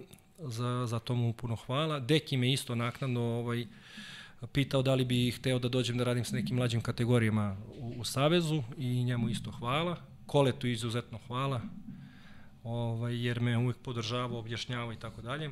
Mhm. Ali eto, sad sam tamo i nemam, veruj mi, uh, ovo što gledam ovde, nemam, nemam za čim da žalim. Uh mhm. -huh. Nemam za čim da žalim. Radim ono što volim, ne zavisim ni od koga, položem račune tamo njihovom savezu, mom predsedniku. Ovaj, uh, ne vidim sebe i nemam, nemam taj stomak da, da mi neko ono određuje šta i kako. Uh mhm. -huh. Znaš, to, to, to, to, kao što sam rekao, u naše vreme nije postojalo, postoje samo suvi kvalitet i to je to. Kakav je nivo vaterpolu, vaterpolu u Iranu? Koliko Pa, su posvećeni? Da, je posvećeni su izuzetno Mhm. amaterski nivo, ovaj, imaju tu 7-8 klubova, ali uh, najveći Znači on, oni rade, izvini, oni rade i tako i Studiraju, i, da, studiraju pa da. i igraju. Pa da, mm, na primjer, reći ću ti da je jedan uh, član jedne ekipe imao uh, 51 godinu, ono, znaš, Mhm.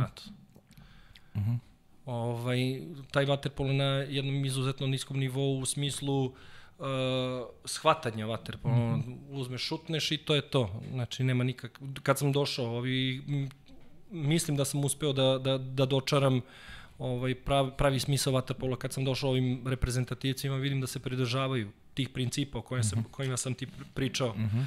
pre to, je, to, to mi je onako drago i e, taj, taj vaterpolo sada, eto, posle 44 godine napravili smo taj, taj rezultat gde smo u, na azijskim igrama u Džakarti savladali Kinu koja je ono, ne znam, učesnik svetskih prvenstava, ne znam, svetske lige i tako dalje. Ovaj, savladali smo ih i uzeli smo tu bronzanu medalju. Ovaj, što je meni izuzetno drago i to je potvrda za neki moj rad.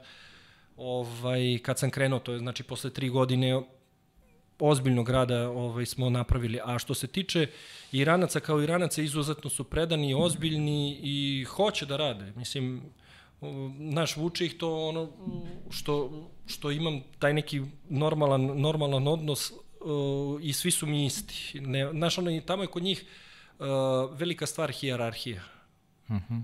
Stariji je pet minuta od tebe imaš da ustaneš, da mu se obraćaš sa gospodine, I ovaj, neverovatno je, znaš, ako, sad ako si kapiten, on kao uživa sav ovaj, ugled, poštovanje. ugled, poštovanje.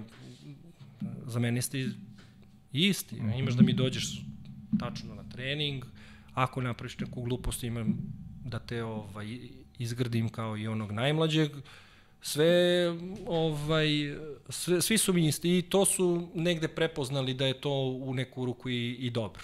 Mm -hmm. Znaš, ovaj, ovaj može, ovaj ne može, ne. Ili će da bude ovako, ili neće da bude. Mm.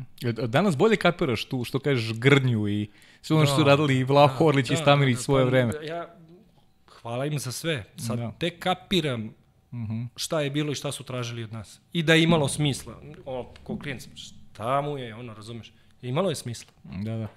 A kaži mi kad pričamo o Iranu, pričali smo i pre ulaska u studiju, ima dosta sportisti iz svojih prostora, pa i malo da mi kažeš o tim druženjima i znam da su svi oduševljeni u uslovima života i generalno kako se sportisti tretiraju, tako da pričao si o tim druženjima s Igorom Kolakovićem, sa Draganom Kobiljskim, pa i malo opiši te susrete sa, sa, sa njima, našim gledacima. Pa nema nas puno, nema nas puno tamo, eto, ovaj, žao mi je što je, što je Igor otišao u Poljsku, što Dragan je otišao u Kragujevac, tu je isto Daniel Mišić isto bio. Uh -huh.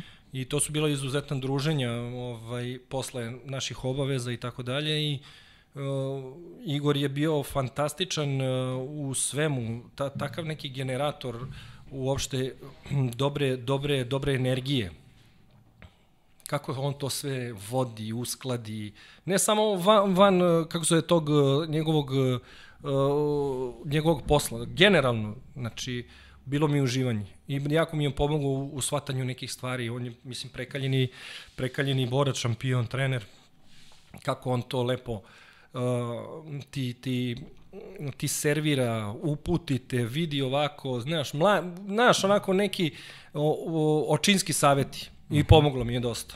Uh -huh. I dosta mi je pomoglo. A što se tiče Teherana, i Irana, to je jedna divna, divna, divna nacija. Ja sam je zavoleo, evo, pet godina sam tamo. Trener, inostrani trener koji je najduže u, u Iranu i kako se zove, Dejan je bio pre godinu dana i Dejan se oduševio. Dejan se oduševio. Dejan Savić. Da. Tako da, ovaj, ljudi imaju dosta predrasuda pre nego što odu, ali kad odu, ja mislim da se prijatno iznenade. Ja mislim da su najveće bogatstvo ti ljudi, to njihova predusetljivost, ljubaznost, mm -hmm. poštovanje i tako dalje. Svaka im čast. Ja sam ih zavoleo. Ja, Ćuro, šta ti je cilj kada je trenerski posao u pitanju? šta si sebi postavio kao... kao pa znaš ka, ovaj, uvijek ideš na najviše, meni je sano olimpijsko, olimpijsko zlato, da li će to da bude, to, mislim, vidjet ćemo. Ja. To podrazume da budeš na selektor Srbije?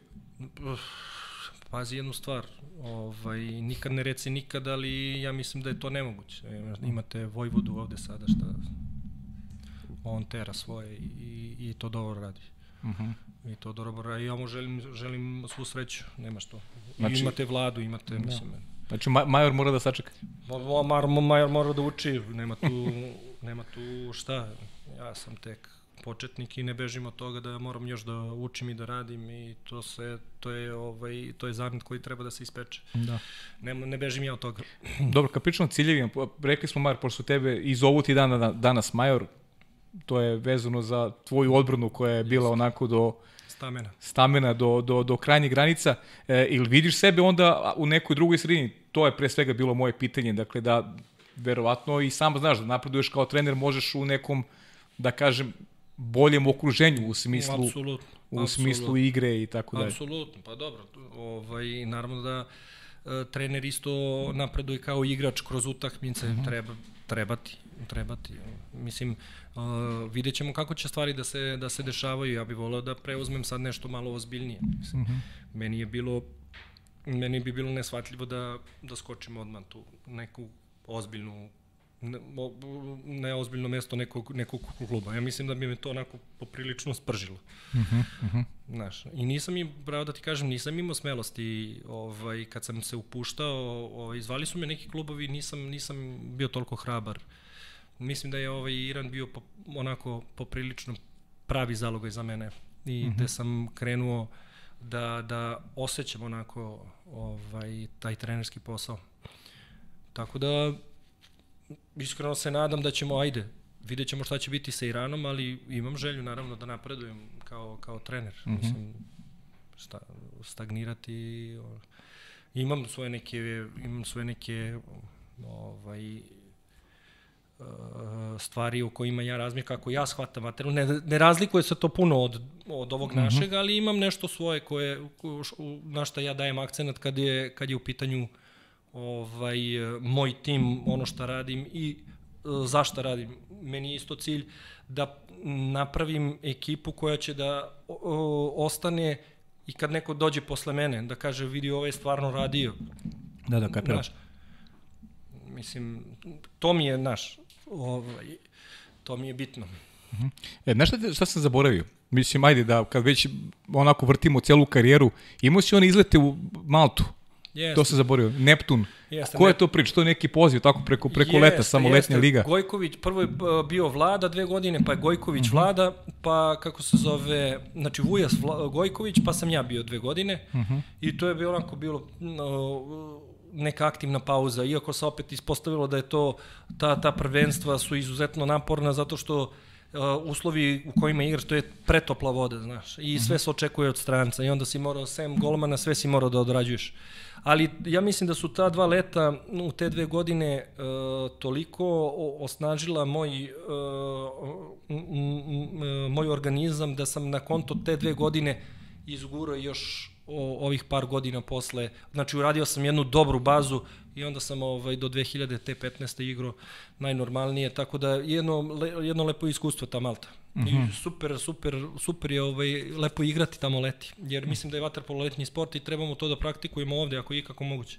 Da. Jer ako se sećaš onih godina kad je bila Budva, Partizan, ovde se igrao na Tašu, Taš bio pun, pa ona gradska luka u Budvi, mm -hmm. to je bilo isto Mo, to su bili mečevi za pamćenje. Pa se ono, znaš, malo se tu zategne rezultat, o, pa se gase se ovi reflektori, pa mrak, pa da se on, znaš, ono, da. a to je, to je Šapke, to dobro priča, kaže, i, ovaj, izlazimo i kaže, Čiki, jel mi veruješ da sam mislio u jednom trenutku da me zveknulo srce?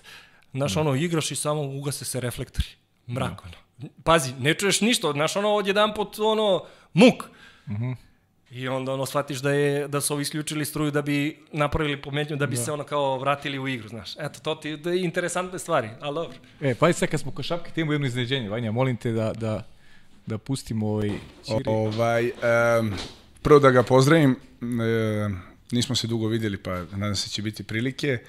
Pa Eto, pitao bi ga verovatno ono što bi, što bi zanimalo i, i, i ljude koji ga budu gledali. Kako je uspeo da se snađe u, tamo u, u Iranu i na koji način se naviko na taj način života, ipak je to i druga kultura i kako je uspeo da se prilagodi ipak jednom nivou waterpola ovaj, na, koji, na koji on nije naviko, jer je čitav život igrao ovaj, na jednom zaista visokom nivou i kako je kao trener sada uspeo tome da se prilagodi. Tako da ga, ovaj, Čiro, pozdravljam te puno, pa ovaj, bit će prilike se vidimo. Pa, ovaj, Nije, ja, ja mislim da meni kvalitet e, da, da mogu brzo da se prilagodim mm -hmm. ovaj, situacijama i kad si uh, kao igrač i kao trener uvek moraš da si u koferu i to trebaš da znaš mm -hmm. da, da se da uh, moraš to da prihvatiš. I kad se otvorila ta uh, opcija Iran, ja nisam puno razmišljao, ja sam otišao. Drugačije jeste, prihvatiš, prihvatiš to što imaju na jedan normalan način i to kako oni žive nije ništa ovaj, drugačije kao ovaj, ono od našeg života. Znaju ljudi da žive. To mhm. ozbiljno znaju da žive, da idu uživaju. Da. Tako da mi nije bilo uopšte ovaj, teško. Kao što sam rekao, u, malo pre ljudi su izuzetno ljubazni. Ovaj, uvek su ti na raspolaganju.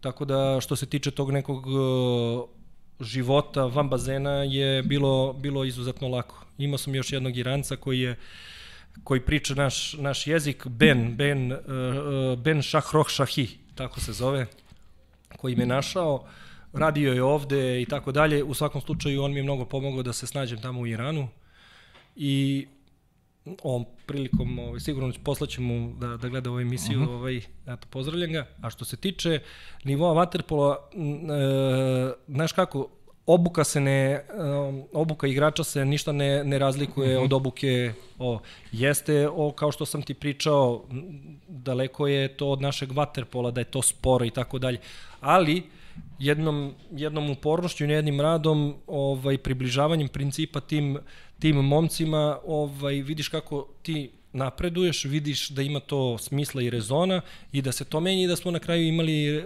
rezultat i to je kraj priče. Uh mhm. -huh. Nema ne, prosto, prosto i, i ne libim se uopšte da, ne, ne vezam da li je to Iran ili neka druga zemlja, ja sam spreman da radim gde god. Ali samo tako, ali samo tako možeš i da, da napreduješ. Banja, smo, ubili smo dva sata, jesmo, a? Znao sam. Zato što je bilo dobro. E, Ćiro, još par stvari. Moramo da dotaknemo porodice.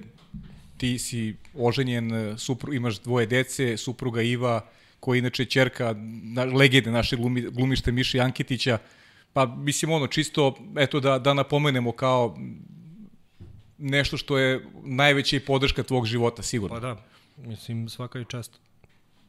Treba me, treba ovaj... Ist, istrpiti život profesionalca. Pa ne, svaka je čast. E, čega se, čega da. se ta žena ovaj, nagledala i, i doživjela sa mnom to. I sad, eto, ovaj, ima veliku žrtvu. Uh mhm. -huh.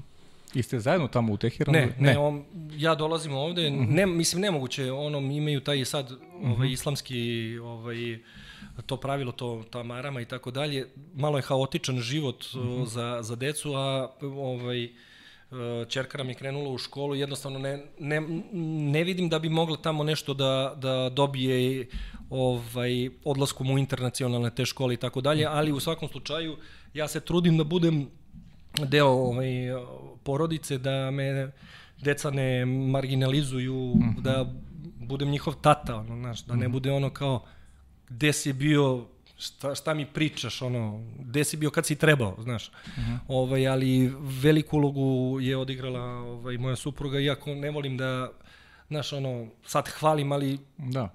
ovaj, dosta, dosta toga je ovaj, podnela, ali to je zbog našeg nekog to komfora. Kažem da sam imao možda neku srećniju karijeru, možda ne bi bio tamo, da sam zaradio to što sam zaradio ovde kod nas i o, ja bi verovatno bio i ovde. Uh mhm. -huh. Ajde da prođemo kroz može, pitanja samo gledalaca. Ajde. E, a, Vujketa 96 pita, da li ima savet za brzo i uspešno plivanje za loptu, obzirom da je da je u tome bio najbolji na svetu? Nema, to je, to je nešto urođeno, ovaj, jednostavno imao sam taj dobar start, to, to je jedna priča kratka za Briana Schumachera, o, osvajača zlatne medalje u Atlanti na 4 puta 100, posle toga je krenuo da igra vaterpolo, plivo je za loptu, nikad nije mogo da mi uzme i pitao je kako. Ovaj, to je to. E, kaže, neka pitanja se ponavljaju, drago bi da li si mogao da čuva Šapića, to si odgovorio. Semin Info pita kakav bi osjećao osvojiti tron Evrope igrajući za Beč i da li to smatra za, tvo, za svoj najveći uspeh, mada smo se neku ruku i toga dotakli. Ma dalje. Dobro, da. Stefanović Aleksa, i vaterpolista, pazi ovo pitanje, da li istina da ih je Soro pobedio u partiji šutiranja do 10, njega, Šapića i Gocića? Pa moguće, pa dobro, više imaš šanse da, da dobiješ kao, mm. kao golman. Znaš, ono, desi se stativa, znaš, sve se broji, ali sigurno da, da nas je, ovaj, mi smo dobijali i dobio je on nas, šta, to je, to je igra, igra koncentracije, eto. E, Damjan pita, e, s obzirom da je jedan od najbržih krila u istoriji ove igre, da li je pre vaterpolo karijera razmišljao da se bavi plivanjem? Ne, nikad, nikad. Nikad, to je specifičan sport, specifični ljudi, ne bi mogo da, da ispucavam deonice, ono, da gledam u pločice i ne bi, ne bi mogo stvarno.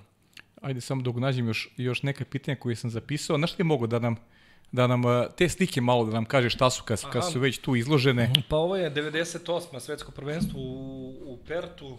Ja, to su to je ta ekipa ovaj Mir Željko Vičević, Šapke, Buca Nikolić, Dača, Veljko Skoković, Dragan uh, Jovanović, pokojni Pop, Vujas, Deki Savić, Petar, ja, Kuljača, Nena Vukanić. Da. Ovaj, ovamo, ova slika je 2000. godina u Menzi, uh, u Menzi u, u, u Sidneju. Slikao sam se, to mi je jedina slika uh, uopšte na olimpijadama. Slikao sam se samo sa, sa Noletom posle. Ovo je Aleksandar Kareljin, višestruki šampion, ne znam koliko, devet evropskih zlata, šest svetskih i ne znam koliko, četiri olimpijska. Ja mislim da ima samo jedan poraz u karijeri. Da. E, ajde još jedno, pošto je Marina Đurić postavila mnogo pitanja, mnogi smo odgovorili, kaže u jednom intervju je davno izjavio da prati političke emisije, što mi baš zvučilo zanimljivo, pa a, možete ga pitati da li još uvek to prati? Pratiš? Pratim, pratim i to mislim da je mislim da je normalno da, da, da znaš šta se dešava i kod nas i u svetu i da napraviš neku ocenu, paralelu i tako dalje. Pratim, da. Ok, Čiro, mogu samo ti zakljati, ima nešto te nisam pitao možda? Pa ne znam, mislim, ja odgovaram na, znaš, teško je setiti se, da. te, teško je setiti se svega, ono što bi poručio možda klincima i tako dalje da, o, da, da znaju da nije lako biti ovaj šampion, da nastave marljivo da rade, možda po neki put je dosadno raditi neke stvari ovaj, koje traže treneri od vas, ali to je sigurno za njihovo dobro. I da neka moja želja za kraj da se taj naš vaterpolo re, revitalizuje i da, da se vratimo na stare staze. Ćiro, ostaje mi samo ti zahvalim što si bio naš gost, da ti poželim puno sreće, da ti poželim i da mi obećaš da ćeš doći ponovo u ovaj podcast. Zašto ne? Hvala ti puno, sve najbolje u nastavku karijere. Ja vas pozdravljam, e, želim vam sve najbolje svima. E, sledeća epizoda, narednog četvrtka, družimo se sa Filipom Filipovićem, možete odmah. Ljudi, ja se odjavio pre vremena, totalno zaboraviš i ovaj deo priče. Stoji pored mene, a nisam video, zanesem pričom koju, koju je podelio s nama Aleksandar Ćirić, ali vrlo je ovo interesantna i lepa. 1993. godina, pobednik Kupa Srije Jugoslavije, Juva Liga Ćiro, Ajde malo pojašnjenje za Zoe Pehar. Pa, mi smo jedina, jedina generacija, mlada generacija zvezde koja je ikada osvojila trofej. Znači, prvi trofej za Crvenu zvezdu mi smo tada 93. Ovaj, osvojili na Banjici u finalu sa, sa Partizanom i ja kao kapiten sam poneo ovaj, taj, taj trofej koji je do dan danas ovaj, stajao, stajao kod mene kući. Ti traživši neke stvari uh, da ti donesem, doneo sam ti te neke slike kapice i između ostalog doneo sam ti taj pehar koji ću da ti ostavim, jer e, ja sam kao neki ovaj, važim kao za punokrvnog uh, igrača Crvene zvezde, koji je poniku iz zvezde, koji nikad nije prešao u drugi klub, koji je igrao za reprezentaciju. Ovaj, tako da, eto, ostavljam ti taj pehar i kad bude došao neki pravi ovaj, zvezdaš, i e, neki rukovodilac, ti mu slobodno daj, ako ne, ti ga sačuvaj, pa čekaj neko vreme. Mora ti priznam da neće nikom da dam pehar. Dobro. Ima da ga Dobro. sačuvam ovde, stajaće ovde kao, kao naš eksponat i čuvat ćemo ga kao oči u glavi i to ćeš da vidiš sledeći put kad budeš došao u ovaj, u ovaj studiju, u ovu emisiju. pa, ćemo, ovaj, pa ću ti reći kako su reagovali ljudi iz Zvezde kad su videli pehar koji si osvojio. Dobro, dobro. Eto, jedan mali, ovaj, jedna mala ovaj, interesantan jedan kuriozitet, eto, to je znači taj pehar koji smo mi 90, davne 93. osvojili, znači prva zvezdina generacija koji ikada išta osvojila.